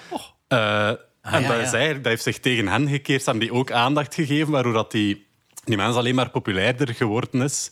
En eh, dat heeft mee ertoe bijgedragen dat, die, ja, dat dat ge- gelukt is om die vakbond eh, Maar het is eigenlijk wel dom, want ze hebben wel het inzicht om, om die kerel te, te bekijken. Ja, Ja, ja, ja. Maar een logische reactie vanuit hun standpunt zou zijn van kijk, dat zijn de kenmerken van... Allee, dat is waarom dat, dat lukt bij iemand. Dat zijn zaken die dat we daar en daar in het vervolg of op andere plaatsen de pas af kunnen stellen. Breng ze niet op ideeën, Bart. Ik ben altijd bereid te helpen. Ik zie dat je een vakbond in je winkelmandje hebt zitten. Misschien ben je ook geïnteresseerd in deze. Deze shady tandartsverzekering. dat is ook weer... Enfin, ik denk als, als, als Europeaan dat je Amerika nooit helemaal snapt. Maar je hebt dan bijvoorbeeld in, in, in Hollywood, in de filmindustrie, heb je immens sterke vakbondswerking. Daar zijn de unions geweldig sterk. In die mate zelfs dat als je als geluidsman op de set staat in de States en je versteekt een microfoon van iemand en door het versteken van de microfoon heb je de kleding een beetje verschoven, mocht jij die kleding niet terug rechtschuiven. Want dat is voor de kostumiers. Ah, ja. En dus dat is echt zodanig geregeld. Dus dat is er ook weer zo zot dat die samenleving in sommige gebieden overunionized is en in andere gebieden totaal niet. Het is voer voor een andere podcast, maar ik denk dat Hollywood qua, ehm, laten we zeggen, segment van de samenleving dat je mee zit, ook een ander... eh, Weer aan de liberale kant zit. Of, Ja. ja. ja, Ja. ja. waarschijnlijk wel. Oké, daarmee hebben we het Musk-nieuws gehad voor deze maand. En dan gaan wij over naar nog enkele nieuwtjes. En we gaan beginnen met de natuurkunde. Hoera, Bart! Jee, alweer, alweer. Ja, eh, vorige keer hebben we het over zwarte gaten gehad. Ja, 17 minuten en ik wil me excuseren, want we zijn daar echt te kort door de bocht gegaan. ik beloof dat ik het nu deftig zal uitleggen. Maar kijk, voor de mensen die zeggen van ja, die fysica, geef het een kans. Hè. Begin eraan. Als je zegt na een tijdje is dat iets te stug en ik wil weer mopjes over Uranus, die er ook nog aankomen. je kunt er ook aan beginnen en er later op terugkomen, want alle podcasts hebben vanaf nu ook handige hoofdstukken in de meeste clients. We Exact wat ik ging zeggen. Ja. Dus ehm, eh, in sommige van de, van de platformen kun je op Spotify doorskippen. Op Spotify kun je op lees meer duwen bij de beschrijving van de podcast. En dan kan je op het tijdstip klikken als er een nieuw onderwerp begint. Aha. Maar bijvoorbeeld in, in, in Apple eh, podcasts of in Pocket Casts op Android eh, zijn er hoofdstukjes in de podcast waar je gewoon kan doorklikken. Dan kan je meteen Voilà. naar het Musk nieuws. Oh, Garme, en nu moet Bart dat zijn uitleg nee. beginnen. We zijn aan het dierennieuws eh, gekomen. Eh, Zijn jullie klaar voor het lange streepje in Spotify? Maar, dus, allee, maar ik, vind, ik vind het gewoon wel tof, want die Ja. feature van hoofdstukken die is er nog niet zo ja, lang. die is nog niet zo lang. Els, dus- ja, Els heeft ermee aan gewerkt. Sebastian Jansen wil ik ook een shout-out aan geven. En eh, die bakken we vanaf nu in in alle podcasts. Zeker ook omdat er mensen de podcast gebruiken om later opnieuw naar te verwijzen. En is het Ah, ja. heel handig. Bijvoorbeeld, Ah ja, tuurlijk. Ik heb zo opgezocht dat we in juli eh 2021 over het genoom al gezegd hebben dat het volledig klaar was. Ah ja, voilà. En ja, Zeg Jeroen, maar wil dat zeggen dat je ook bijvoorbeeld kunt, ehm, kunt linken of een, een, een stukje kunt delen? Correct. Je kan linken naar een, eh, een podcast-episode die exact op dat punt begint. Oh, wauw. Oké, dus Amai. iedereen kan eigenlijk de komende maand zeggen... Zeg, heb je al gehoord dat het weeboson zwaarder is dan verwacht? Hier is de link naar het stukje uitleg van Bart in de podcast van mij. Dat, dat gaat niemand doen, maar goed. nee, Goed, maar er zijn twee- hoofdstukjes waar dat je eh, doorheen kan klikken. Ja. En dit is het fysica-hoofdstuk. Ja. Het W-boson, Bart. We zitten in het standaardmodel. Alweer. Ja. De Lego-doos van de natuurkunde. Mhm. Ja, de wereld om ons heen bestaat uit energie en materie. We hebben het nu over de materie. We hebben atomen. De atomen bestaan uit protonen en neutronen in de kern. En Ja. elektronen die daar ronddraaien. Ja.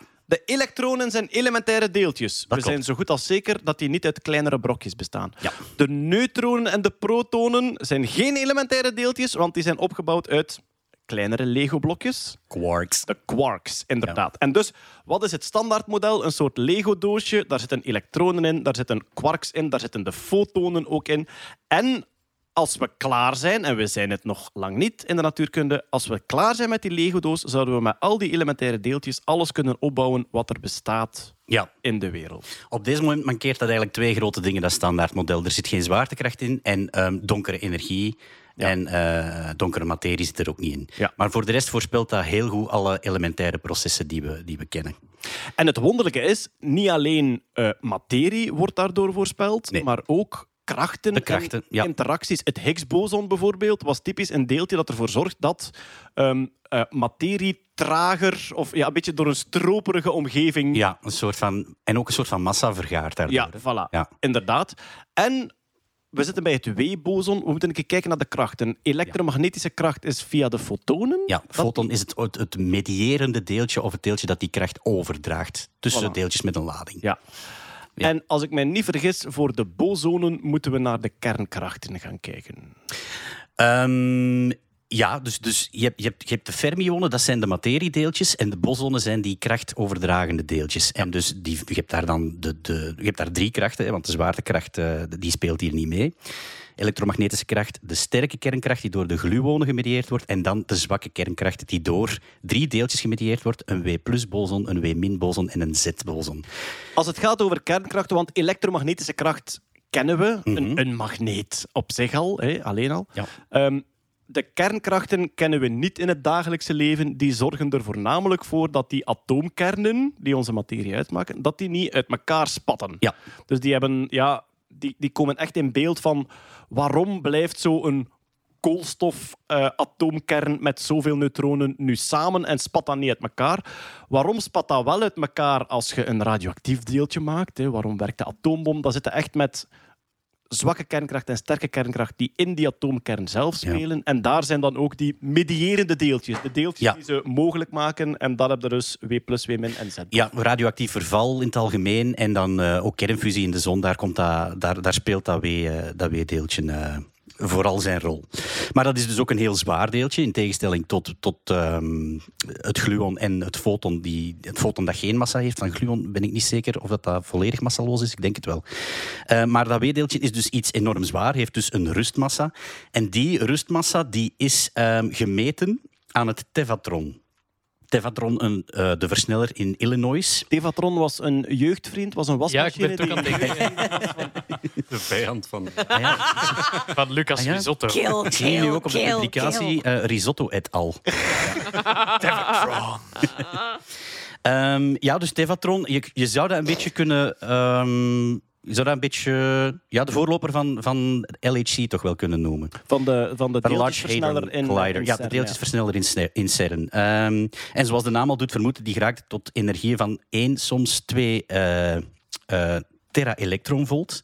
Maar is dan in 2011 eigenlijk ehm gedecommissioned, dus uit werking gegaan.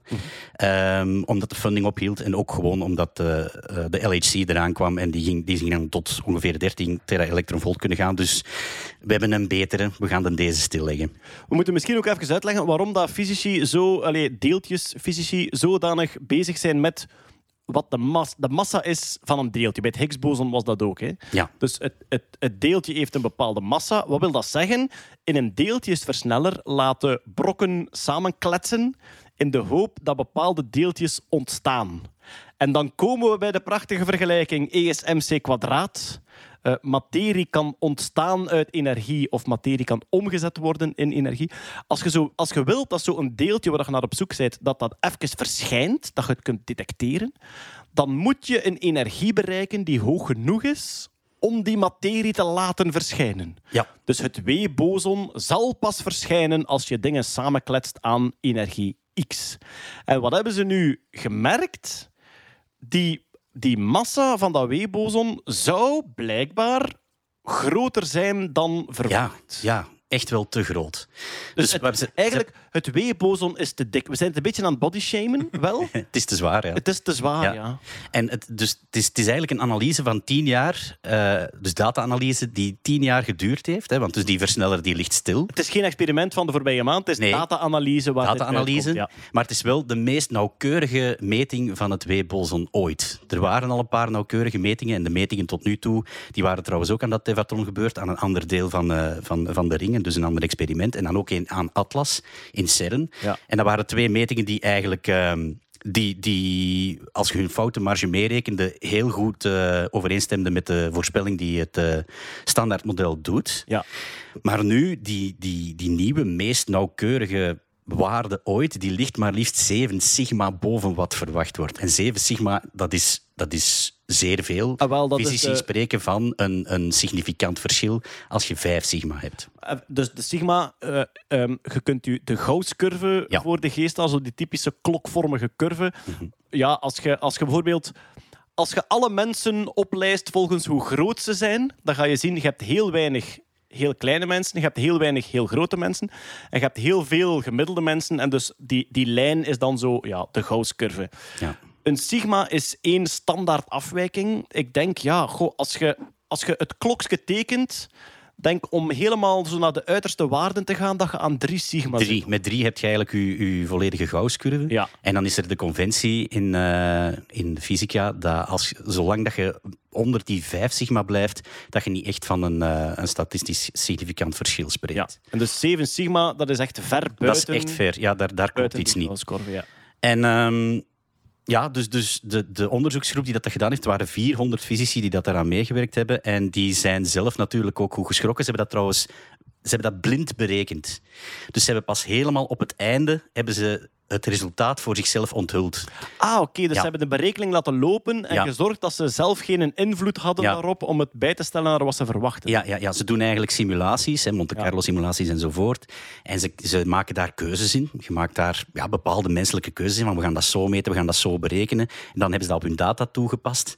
En helemaal aan het einde van de rit halen ze zogezegd het gordijntje weg en zien ze Een te dikke, met, met dikke al onze zogezegd ongebiasde keuzes en, zo, en, en, en ja, onze, beste poging eigenlijk, die zorgt hier voor iets dat totaal niet klopt.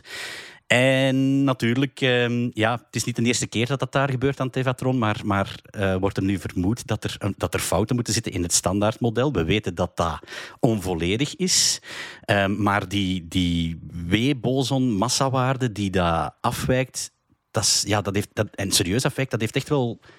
Dat kan stevige implicaties Maar hebben. moet dat niet nog een keer herbevestigd worden? Ze hebben dat beginnen? gevraagd. Het team heeft het zelf gevraagd. Het team vraagt aan andere teams op de wereld van...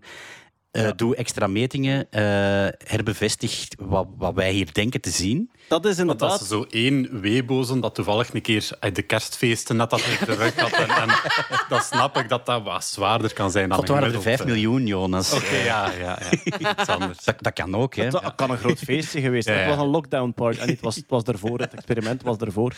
Ehm, ja, het feit dat zo'n massa groter is of kleiner, heeft wel gevolgen op, op welke afstand werkt die kracht enzovoort. enzovoort. Ja, en het hangt ook heel hard samen. Voor, het het W-boson hangt voor de, of de massa daarvan hangt voor, voornamelijk samen met de massa van het Higgs-boson en de massa van het topquark. En dat zijn toch twee ook niet onbelangrijke deeltjes in heel dat, eh, Dus stel heel dat dat dat- raamwerk. Stel dat dat bevestigd wordt, dan zit het standaardmodel eigenlijk wel in de pinari. Wel, dan, ja, uiteraard, dan is de vraag van, missen we deeltjes? Klopt heel die fysica wel? Dus heel, heel de constructie van die, van die kwantummechanica, klopt dat wel? Ehm, ja, zitten we, zitten we met nieuwe exotische fysica? Of ja, hebben we opnieuw ergens een machinale fout gemaakt? Hebben we een rekenfout gemaakt? Ja, tuurlijk. Dat is nog een mogelijkheid. hè. Dat is zeker een mogelijkheid. En ik moet nu echt denken aan, en hiervoor zijn de hoofdstukjes handig. Ik weet niet of dat retroactief werkt, Jeroen. Dat kan. Dat kan, oké. Ehm, vorig jaar in mei hebben we het gehad over het Muon G2-experiment. Dat was ook aan het Tevatron. Ja. En dus Muon is een ander deeltje uit, eh, uit eh, dat standaardmodel. Dat is de zwaarder, eigenlijk de zwaardere eh, versie van het eh, elektron.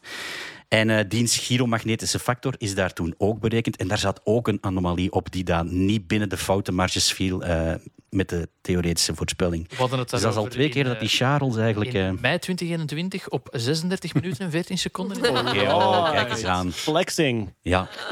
ja. Maar goed, toen, toen eh, deed de fysica community hetzelfde. Hè? Op de achterpoten gaan staan en denken van... Oeh, hier is iets grondig mis. Ja. Nu opnieuw.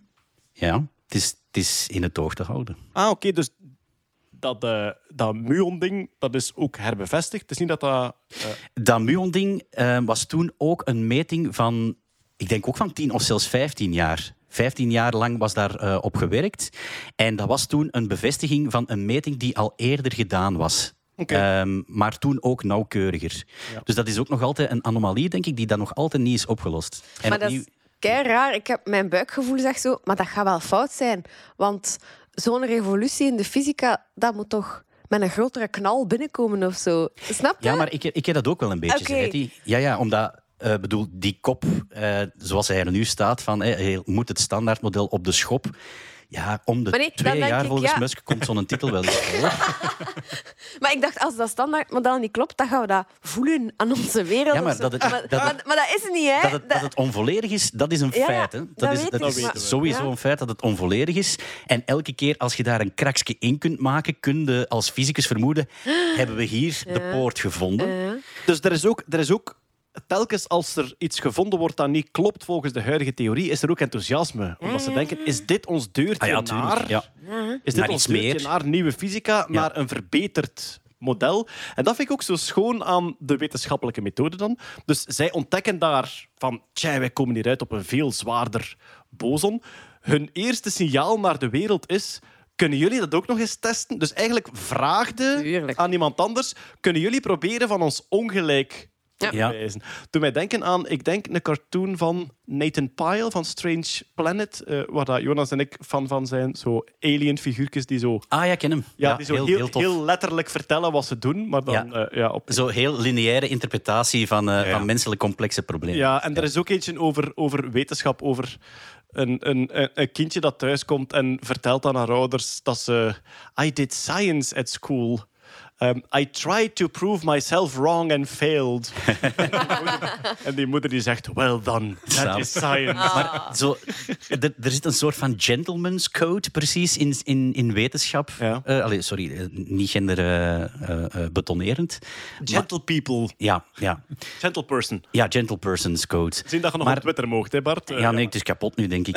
Het Ehm, is, ook, het is ook een beetje schoorvoetend beschaamd. Zo van, ja, sorry, kan dat zijn dat dat niet... Sorry, ik ging kijken op het maar kan dat zijn dat dat niet klopt? Allee, ik standaardmodel. Ja. Nee, bedoel, je hebt je best gedaan, Ja, ja, hè, ja, maar ja, misschien ja, ja. zou maar ik heb ook zo het gevoel dat wetenschap eindelijk een sport geworden is.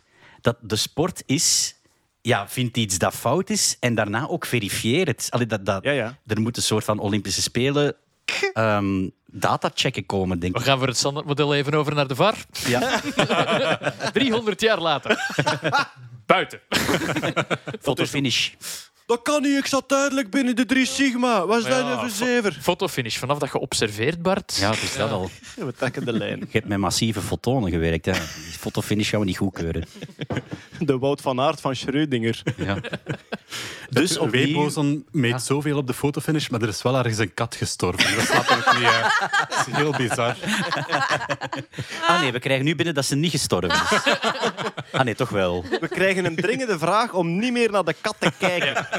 Renaat op de motor, weg van de kat. Inderdaad, Michel. Laat die volgwagens daarvan tussen, laat de kat gerust.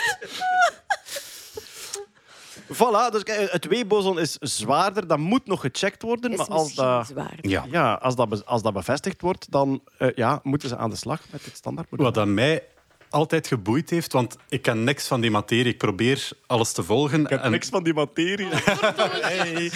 Hey, yo. Maar als niks Bart is daar niet boos om. Ehm, maar ehm, die observaties zelf. Dus nu proberen ze van zo'n piepklein partikeltje de massa eh, te bepalen. Dus dan moet daar eh, in, zo'n eh, deeltjesversneller met enorm veel snelheid, energie enzovoort opgeroepen worden, dat deeltje. Maar hoe meet je dan die massa? Dat, dat is eigenlijk een berekening. Hè. Dus, dus wat, wat, dat ze, wat dat ze concreet doen in het tevatron is ehm, protonen en antiprotonen tegen elkaar smijten. Daarin, daarin zitten quarks en bijgevolg ook antiquarks. En het is één quark en, en een antiquark dat eigenlijk annihileert. En die worden samen Die worden energie. samen energie. Die energie geeft heel kort, maar echt superkort, 10 tot de min 25 seconden van die orde aanleiding tot een W-boson.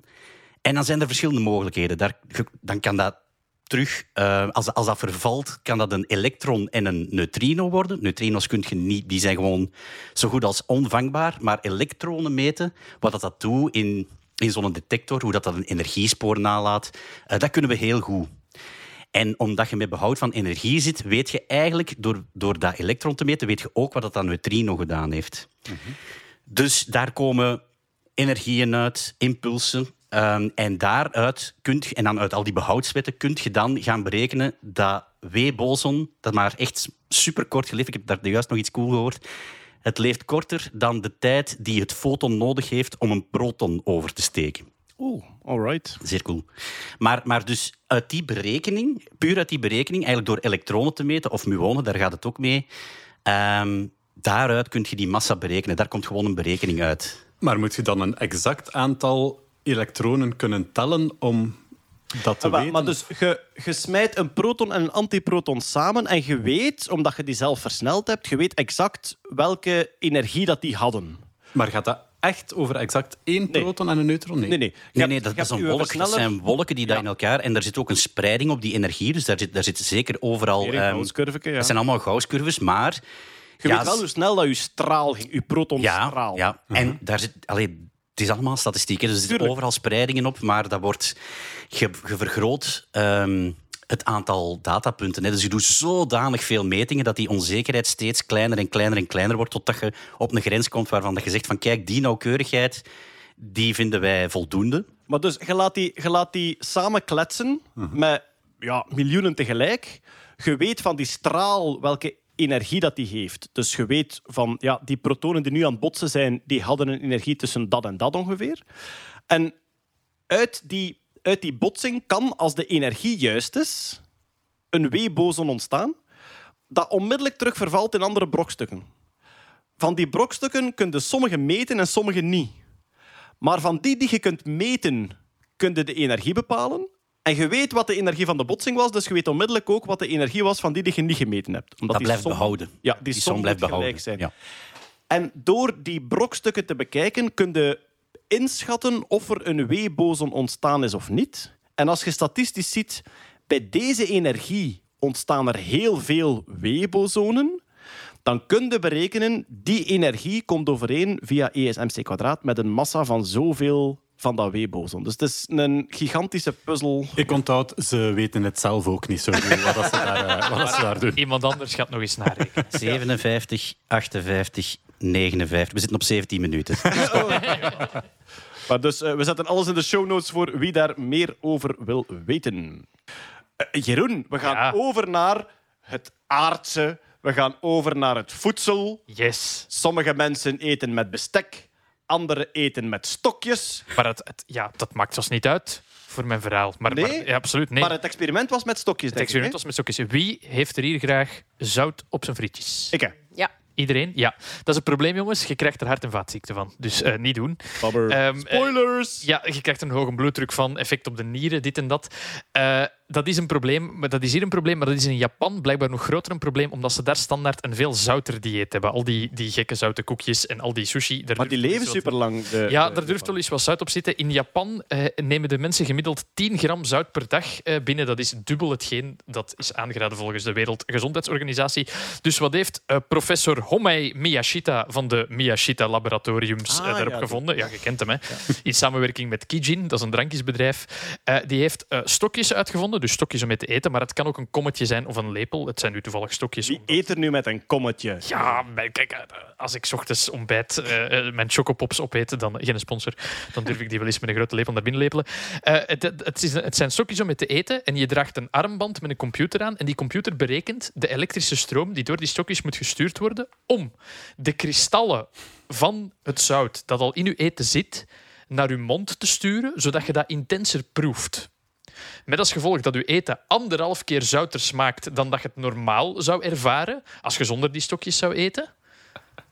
Waardoor dat mensen hun eten niet extra moeten zouten en ze dus een lagere zoutintake hebben. Het is echt een fronsmenuutje aan de tafel nu. Ja, dus, als je een 9 volt batterij op je tong zet, heb je ook zo wat een zoutige... Ja. Het is dat, maar in het klein. in het klein Ja. en, en onmerkbaar. En met de zoutkristallen die al in uw eten zitten. Er moet zout in uw eten zitten. Er moet al een beetje zout in uw eten zitten, maar dat wordt ehm, geëxciteerd om zich naar de buitenkant van het eten te, te, eh, te bewegen, zodat het rechtstreeks contact krijgt met uw tong, waardoor dat uw eten zouter smaakt en je dus niet de neiging hebt van ah, ik kan nog een beetje zout op die frieten doen, want ik proef het amper.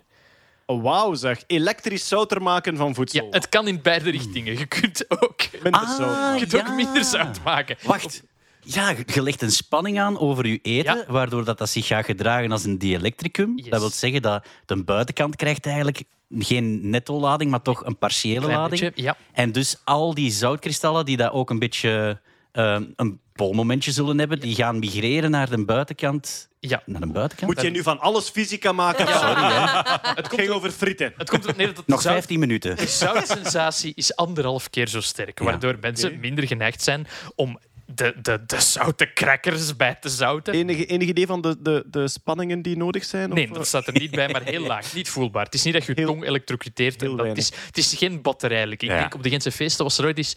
Denk wie dat er een, eh, een, een 9 volt batterij, wie dat er die leeg likte, kreeg een bak bier of zo. En er waren echt idioten dat dat probeerden. Dat duurt, dat duurt lang. Het duurt heel lang. Zoeken nog acts voor het Nerdland Festival. geen, geen bier gekregen. Ehm, het- maar het kan dus niet alleen op stokjes, het kan ook op kommetjes en op lepels. De uitvinder zelf, meneer eh, Yamashita... eh, oh nee, Miyashita. Oh, please. Ja, laf. Oh, Geband van oh, Twitter. Racism.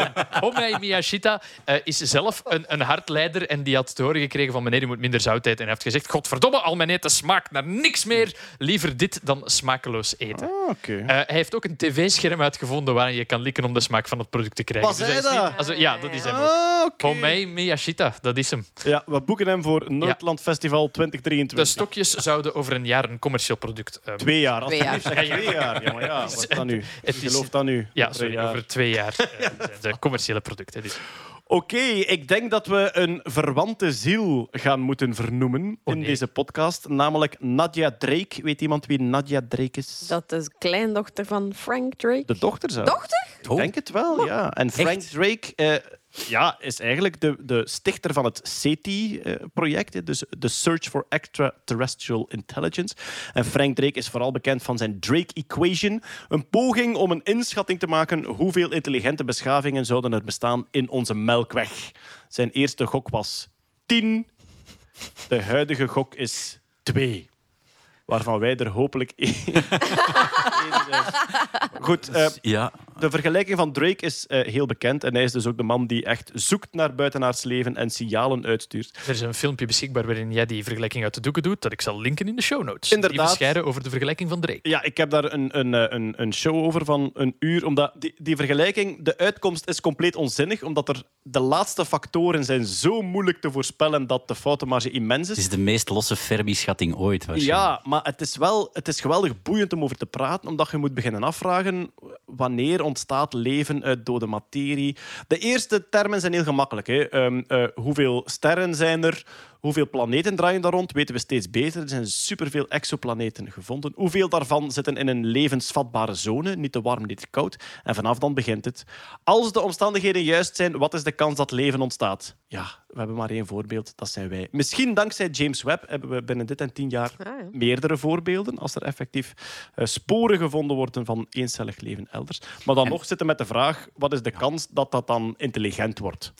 De boeiendste factor die ik vind, omdat dat ook iets zegt over ons of tot nadenken eh, stemt, is hoe lang is een beschaving in staat Ah, om ja. signalen te zenden en te ontvangen? Ja. Want als je kijkt naar ons, nog geen mensenleven Ja. lang kunnen wij dat. 50 jaar, zoiets. En als je nu kijkt naar bijvoorbeeld, ik ben daar niet te fatalistisch in, maar zo de klimaatverandering, ja, we zijn het onszelf in heel korte tijd wel heel moeilijk aan het maken. Ehm, we hebben ook zoiets uitgevonden als kernwapens enzovoort. Ik denk niet dat we ons binnen dit en een paar generaties echt definitief om zeep gaan helpen, maar ik durf toch ook niet voorspellen dat wij nog een half miljoen jaar Ja, dat gaan klopt. We, zijn hier nog maar juist. Hè. We zijn Ja. echt nog maar net begonnen om hier te Wel, zijn. bij, Liefde die- vanuit de montage. Op het moment van deze opname.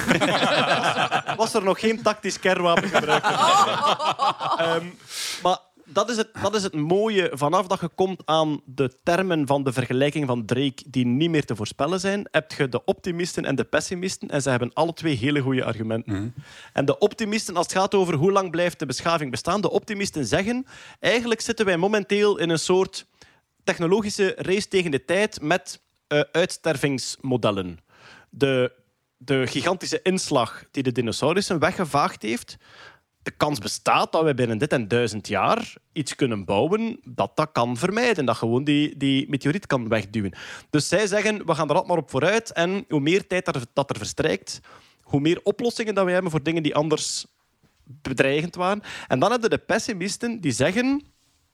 Vanaf dat, vanaf dat je als mens de middelen hebt om jezelf uit te roeien, ga je die tegen elkaar gebruiken.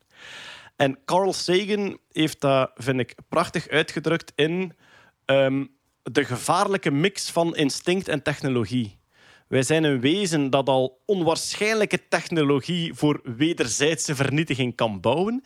En wij zitten onmiskenbaar nog altijd vol instincten.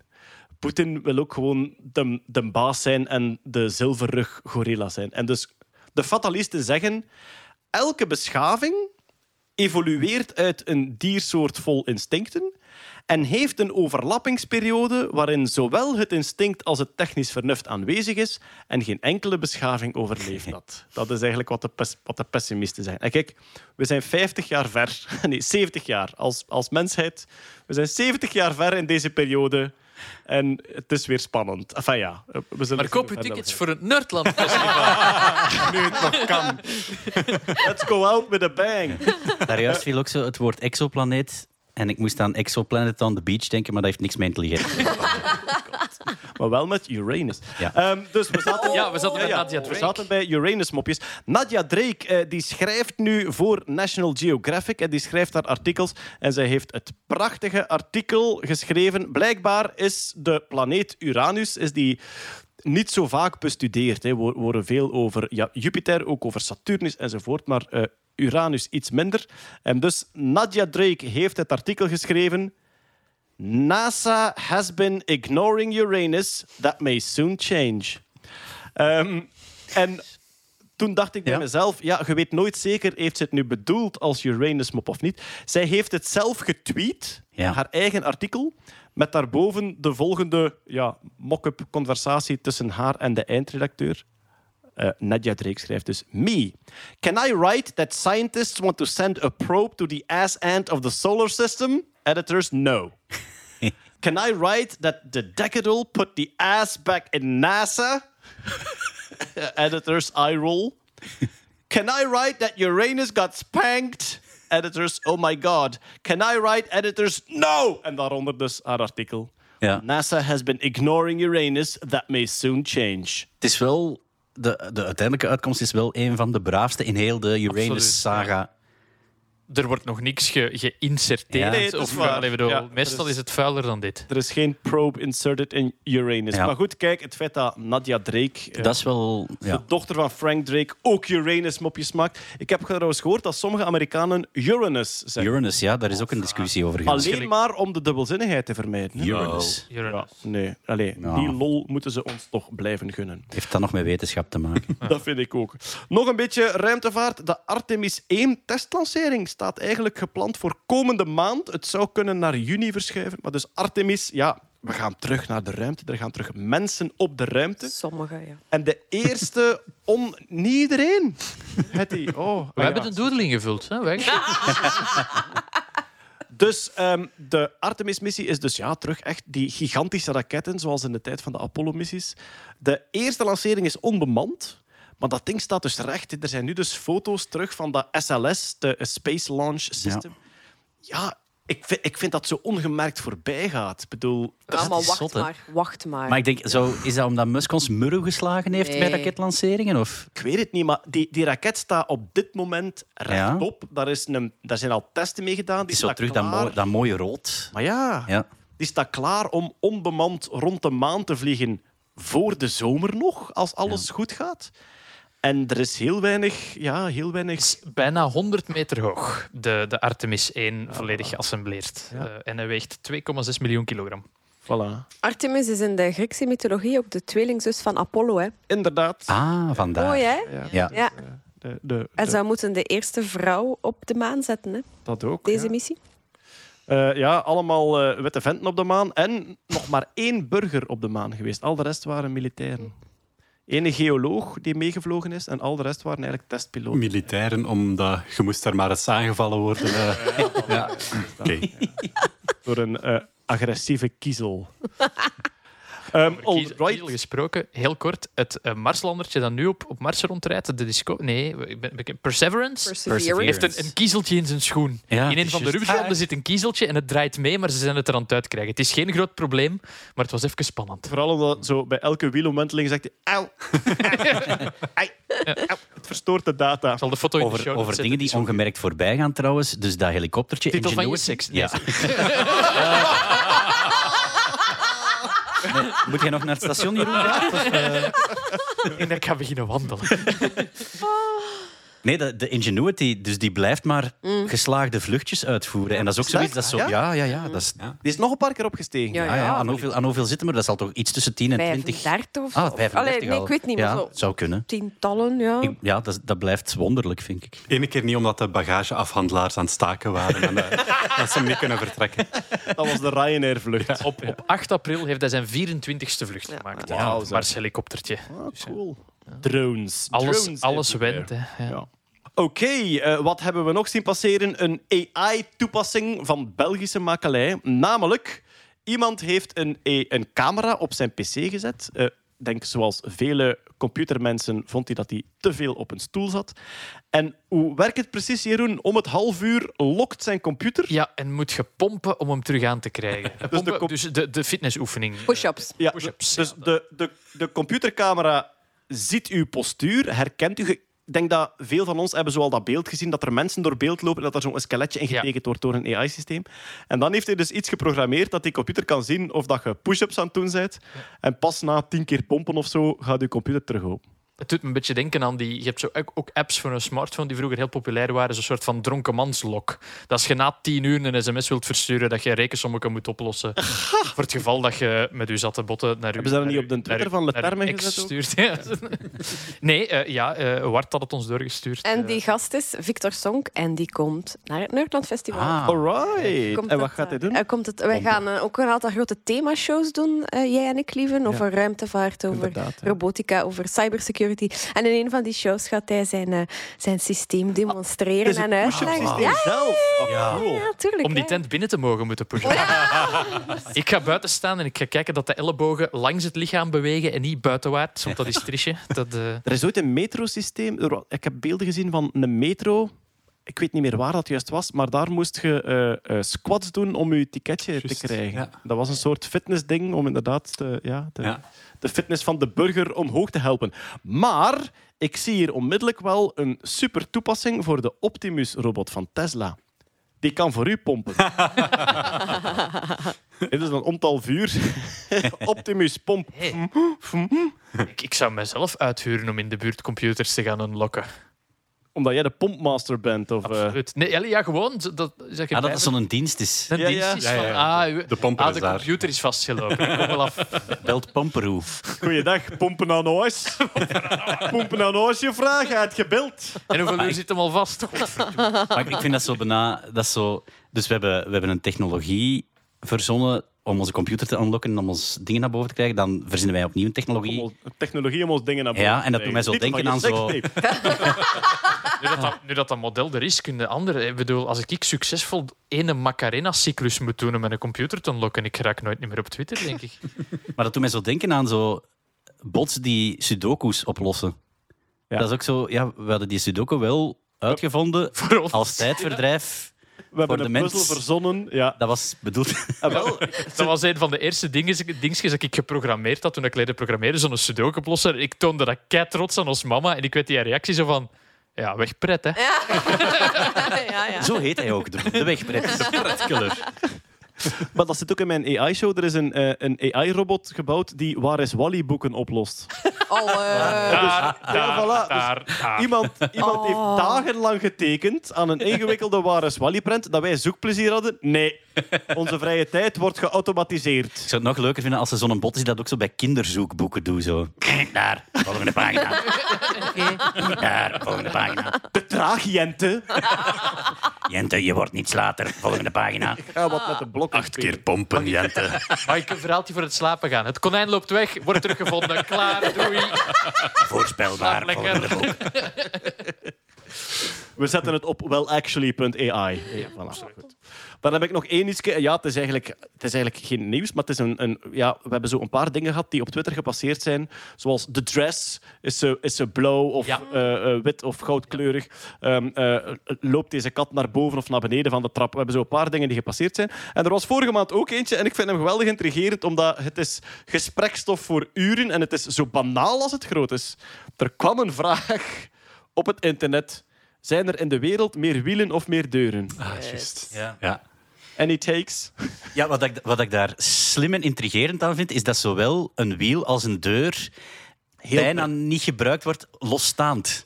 Ah ja, oké, ja, ja, ja. Dus, dus een deur is een deel van een huis waar dat er meer aan hangen. En een wiel is vaak ook een deel van een voertuig waar Ja. dat er meer aan hangen. Maar is en dat vind ik- niet Nee, geen niet aan en zo semantische dingen van, van is een, een, Wat is een wiel, wat is is een een deur? uw tankklepje, is dat een deur? Ah, ja, voilà. Is een tandwiel een wiel of Ja. is het enkel iets om je voor te kastdeur is dat een deur. Maar dat vind, dat vind ik inderdaad dat is heel moeilijk. Ik vind het, het gemakkelijkste is om te zeggen: we gaan enkel voor de person-sized door, zoals we ze zien in huizen en overal. Maar ja, is een gat in een huis van de ene ruimte naar de andere dan ook een deur? Nee, er moet Nee. een fysieke plank. We zijn gewoon voor onszelf regels aan het maken. En qua wielen denk ik functionele wielen van gewone voert, geen speelgoedwielen. Want Maar Ja, ja, dat zijn ook wielen. nee, ja, tuurlijk ja, zijn dat als, wielen. oké, als speelgoedwielen Ja, dan meedoen, winnen is de het wielen. opgelost. Maar doe speelgoeddeuren dan ook mee. Natuurlijk. Een klein Lego-deurtje. Ah, ja. Ja, bon. Ja. We gaan er hier niet uit geraken. Maar Er was ook, er was ook een, een producent van eh, camera's, ik wil zeggen Nikon, maar ik weet niet of dat hem is. En elke, elk Nikon-apparaat heeft een klein deurtje om een batterij in Ah, te steken. ja. En die zeiden van, ja, wij kunnen alvast voor zoveel miljoen deuren toevoegen aan de count. Want wij hebben zoveel producten verkocht en daar zitten zoveel deuren in. En dan Oké, waren dat er ook ook... even guerrilla marketing Ja, en dan was er ook, denk ik, UPS, het Amerikaanse ja, een soort van eh, postorderbedrijf. Ah ja, iedereen kent UPS. Die zegt van ja, wij hebben berekend in onze vloot, we hebben zoveel vrachtwagens, die hebben zoveel wielen, er zitten zoveel autodeuren aan. En ze kwamen uit op meer wielen, want ja, natuurlijk zo'n camion, daar zitten wel acht wielen onder en twee, eh twee eh, dingensdeurtjes. Dus die zeggen van ja, wij denken dat er meer wielen zijn. Dus, Mijn zoon van vijf die was zeer gedecideerd. Die zei nee, meer wielen. En ik zeg ja, waarom? Ja, eh, al die boerderijen waar dat al die wielen liggen over zo van die... Ah, zo Ah, die Ah, ja, ja. ja. Ja. niet, te, niet te onderschatten. Hè? Eigenlijk qua, qua oude... Als je, want ja, een, een band die van een wiel gehaald is, is Is eigenlijk dat- geen wiel oh, meer. dat is een band, ja. Ja. Ja, voilà. semantiek. Hè. Nu, de, de grootste bandenproducent ter wereld, Lego. Lego. Staat in de scheurkalender. Ah, dat is juist. Ja. Ja. staat in de is dat gepasseerd? Want ik lees Ja, hem zelf niet. Ik ben hem zo beu. Ah ja, je hebt hem. Zo hetzelfde met het festival. Blijf geloven, blijf. We, zijn de, we moeten de promo nog doen. Hetzelfde met, hetzelfde met Nerdland Festival. Ik kom niet, hè. ik zit beu. Ik heb het Oh, ik heb iets anders te doen dat Het die weekend. doet geen promo meer vanaf nu. Het is- Het is niet wat dat de sponsors willen.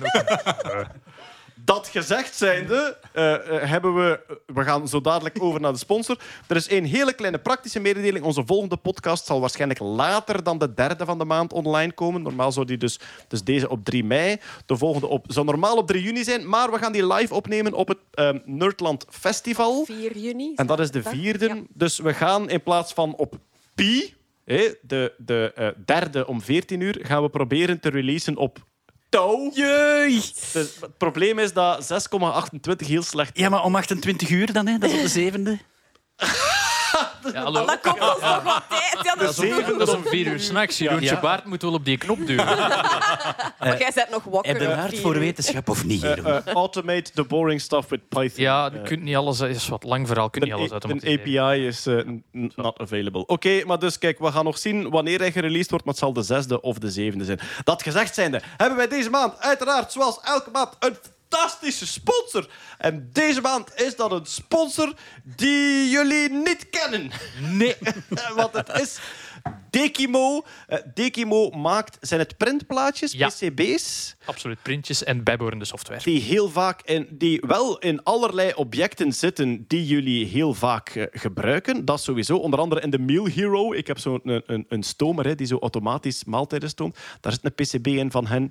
Ehm, In veel medische schermen van Barco zit het ook. Eh, Drankautomaten van Coca-Cola zitten de, de PCB's in. Dus eigenlijk de kans is groot dat je al een object bediend Ja. hebt met een PCB. dat je momenteel een object aan het gebruiken Maar wat is hun oproep? Waarom sponsoren Wel, een ons? oproep is, zij, eh, ze zijn eh, om te beginnen op zoek naar nieuw volk om te komen werken. Ah, Eh, oké, er, dus- er zijn vacatures, dat moest ik in, in de kijker zetten. Maar ze hebben ook, en dat, vind, dat is, dat is wel heel cool, is ze heel hebben cool. de, de Dekimo Embedded Challenge. En dat is een soort van wedstrijd. Zij hebben een wiskundig probleem geformuleerd in verband met faculteit. Dus bijvoorbeeld Ja. acht faculteit, lieve, hoeveel is dat? Acht faculteit, dat is 2 maal 3 maal 4 maal 5 maal 6 maal 7 maal 8 is Correct. Eh, ik tel altijd naar beneden. Maar dus, eh, eh, ze hebben een wiskundig probleem, een wiskundig raadsel, een beetje te vergelijken met de kerstpuzzel. En je moet dat implementeren op een Arduino. Goed nieuws, als je meedoet aan de wedstrijd, zij sturen nu die Arduino op. Een nano, Arduino Een, nano. na- een Arduino Nano. Jij eh, vormt een, eh, een, een oplossing eh, samen met je team. eh, je mag in een team meedoen ook voor eh, die, eh, die, die, dat vraagstuk. En eh, je kan dan meedoen en een prijs winnen. Je kan bijvoorbeeld een, een, een drone winnen, denk ik. Bluetooth speakers. Hebben van alle technologische snufjes die je kan winnen. Het is tegelijkertijd eh, leerrijk. Je krijgt een Arduino, dus je leert met een Arduino werken. En je kan er nog eens een mooie prijs mee winnen ook. Wel, ik, heb, ik heb de wedstrijd van vorig jaar bekeken, dus dat ging dan inderdaad ook over een, een, een wiskundige formule. Het ging toen over de floor-functie. Dus het feit dat je een, een getal afrondt naar beneden. Ook al is het 3,99, het wordt 3. En dat is een combinatie van optellingen van floor-functies aan elkaar. En dan moest je daar... Je moest eigenlijk een computerprogramma beschrijven, dat dat, of schrijven, dat dat zo efficiënt mogelijk berekende op een Arduino Ja, Nano. uiteraard. De efficiëntie is, is, is eh, het, de manier waarop de wedstrijd gemeten wordt. Je moet een recordtijd eh, halen. Voilà, dus Ja. op zich, die functie op zich schrijven was niet zo moeilijk, omdat je hebt allerlei, je hebt allerlei voorgeprogrammeerde dingen die je kunt gebruiken in de meeste software. Maar dan gaan zij eigenlijk naar, oké, zij maken zelf... want Kijk, wij hebben het op een simpele manier geprogrammeerd. Dit is het aantal seconden of nanoseconden om dat uit te voeren. Dat is het aantal stappen die gebruikt zijn. Maak het efficiënter. En dan houden zij gedurende het jaar een soort scorebord bij. Van, oh, we hebben een nieuwe inzending. En dit team heeft het zoveel nanoseconden efficiënter gedaan. En telkens als je het record breekt, krijg je ook die prijs. Dus kun je kiezen uit een, een drone of een PlayStation-spel of een Arduino. het is heel tof. Dat is het, een van de leukste dingen aan programmeren, vind ik zelf, is dat optimaliseren. Dat, dat, dat, dat laatste beetje microseconde eruit Ja, ja, dat prutsen door zo. ergens iets, Want iets te dat je code werkt, oké, daar geraakt je ja, wel. Maar dan zo gaan kijken van hoe kan dat sneller? Hoe moet ik Ah, dat ik weet op niet- het kritieke pad. Wat ik kan weet niet wie van jullie het spel eh, Space Cam ooit gespeeld Ja, heeft. Oh, dat ja, ken ik. absoluut. Ja. Maar dat is dat, hè. Ja. Space Cam is een ja, heel nerdy spel waar je volgens de backstory zogezegd op een planeet eh, stoffen moet maken door zuurstof en waterstof te combineren. Maar het is echt zo gemaakt een productielijntje en je Ja. kunt dat zo efficiënter en efficiënter maken. Het gemene aan die spelletjes is dat die op het einde van de level, als je het hebt opgelost, tonen van ah, goede oplossing. Maar- Dit zijn de statistieken van de wereld. Ja. ja. De meeste mensen konden het in 23 blokjes. Jij hebt er 26. Wil je naar de volgende level? Nee, godverdomme nee. Ik zal hier elke Chinees, Amerikaan en Indiër verslaan voor ik in mijn bed kruip. Maar dus Dekimo, die hebben zo'n challenge waarin je dat ook kan doen en er mooie prijzen mee kan winnen. Jij kent ze misschien ook, lieve, de robotcompetitie van de U-Gent. Ah, zij, zijn daar, zij zijn daar de hoofdsponsor van. Eh, Ja. Ben je daar ooit geweest? De robotwedstrijd van de UGent die doen afwisselend eh, line follower, denk ik. Zo een Ja. lijntje volgen. En eh, sumo-robots. Ah, ja. En dat zijn heel toffe wedstrijden. Mekaar uit een cirkeltje duwen. Zo, hè. Daar, denk, eh, Dwango is het platform dat in Gent ontwikkeld is ook, waar dat ze dat dan allemaal, allemaal mee doen. Zij zijn daar hoofdsponsor van. Ja. Eh, maar ze hebben dus ook een eigen wedstrijd. Maar goed, eh, dat, is een Belgisch bedrijf. Absoluut. Ze hebben kantoren in Gent, Kortrijk, Leuven en Turnhout. En ook enkele in Nederland. Dus voor onze Nederlandse luisteraars ook interessant. De wedstrijd is ook voor Belgen en Nederlanders. Ik denk het wel, ja. Ja, dat stond zo op de website. Ehm, maar dus, ja, kijk, eh, een, een bedrijf dat echt ook... Allee, ik denk dat die wedstrijd ook wel een beetje afspiegelt naar het soort mensen dat zij zoeken om Ja, bij hen te sol- absoluut. Zij staan open voor open sollicitaties. Absoluut. Of- En het is ook niet dat je eh, al een absolute wizard moet zijn om aan die wedstrijd mee te doen. Het is echt experimenteren en spelen met de technologie. En het, het, het heeft ook een zekere educatieve eh, waarde. Ah, Wel, maar ik denk dat veel programmeurs gewoon zijn als je op een PC werkt en met de computerkrachten van tegenwoordig, dat je efficiëntie is geen ding meer. Nee. Maar als je natuurlijk hele kleine PCB's moet ontwikkelen voor een hele kleine smart apparaten enzovoort, zal dat misschien iets meer Dat is meespelen. een beetje het rare aan de computers worden elk, elk jaar sterker en toch zitten we nog altijd naar laadbalkjes te kijken, dus wij doen ook iets verkeerd. Eh, dus, dus dat is zeker embedded development is daarin zeker wel ja, een heel toffe tak om in te zitten. Ehm, op dekimo.com slash challenge vind je alle informatie over de challenge. En eh, ja, ga zeker eens een kijkje nemen op dekimo.com of dat er vacatures tussen zitten eh, dat u interesseren. En ja, we zijn heel blij met Dekimo als sponsor, want dit, dit sluit volledig aan bij wat dat wij doen. Nerdier komen ze niet! Nerd, hier komen ze niet. En we're loving it. Maar dus ook als er geen vacature bij staat die voor u geschikt is, kan je open solliciteren Absoluut. bij Dekimo en zeggen van kijk, dit is wie ik ben, dit is wat ik doe. En eh, dan kan er misschien een match ontstaan.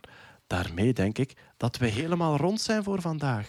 Oh, onze volgende podcast is zowaar live op het Nerdland Festival. Daar kijk ik nu al ongelooflijk naar uit. Maar ik bedank iedereen die tot hier geluisterd heeft. En ik bedank ook dit gelegenheidspanel, dit Fellowship of the Ring, zou ik bijna zeggen. Namelijk Jeroen Baar, Yay! eh, Bart van Beer, Tot ziens. Hetty Helsmoortel Veel plezier. en special guest Jonas Gerda. Genoegen. Graag tot de volgende keer. Dag. Tot ziens. Doei.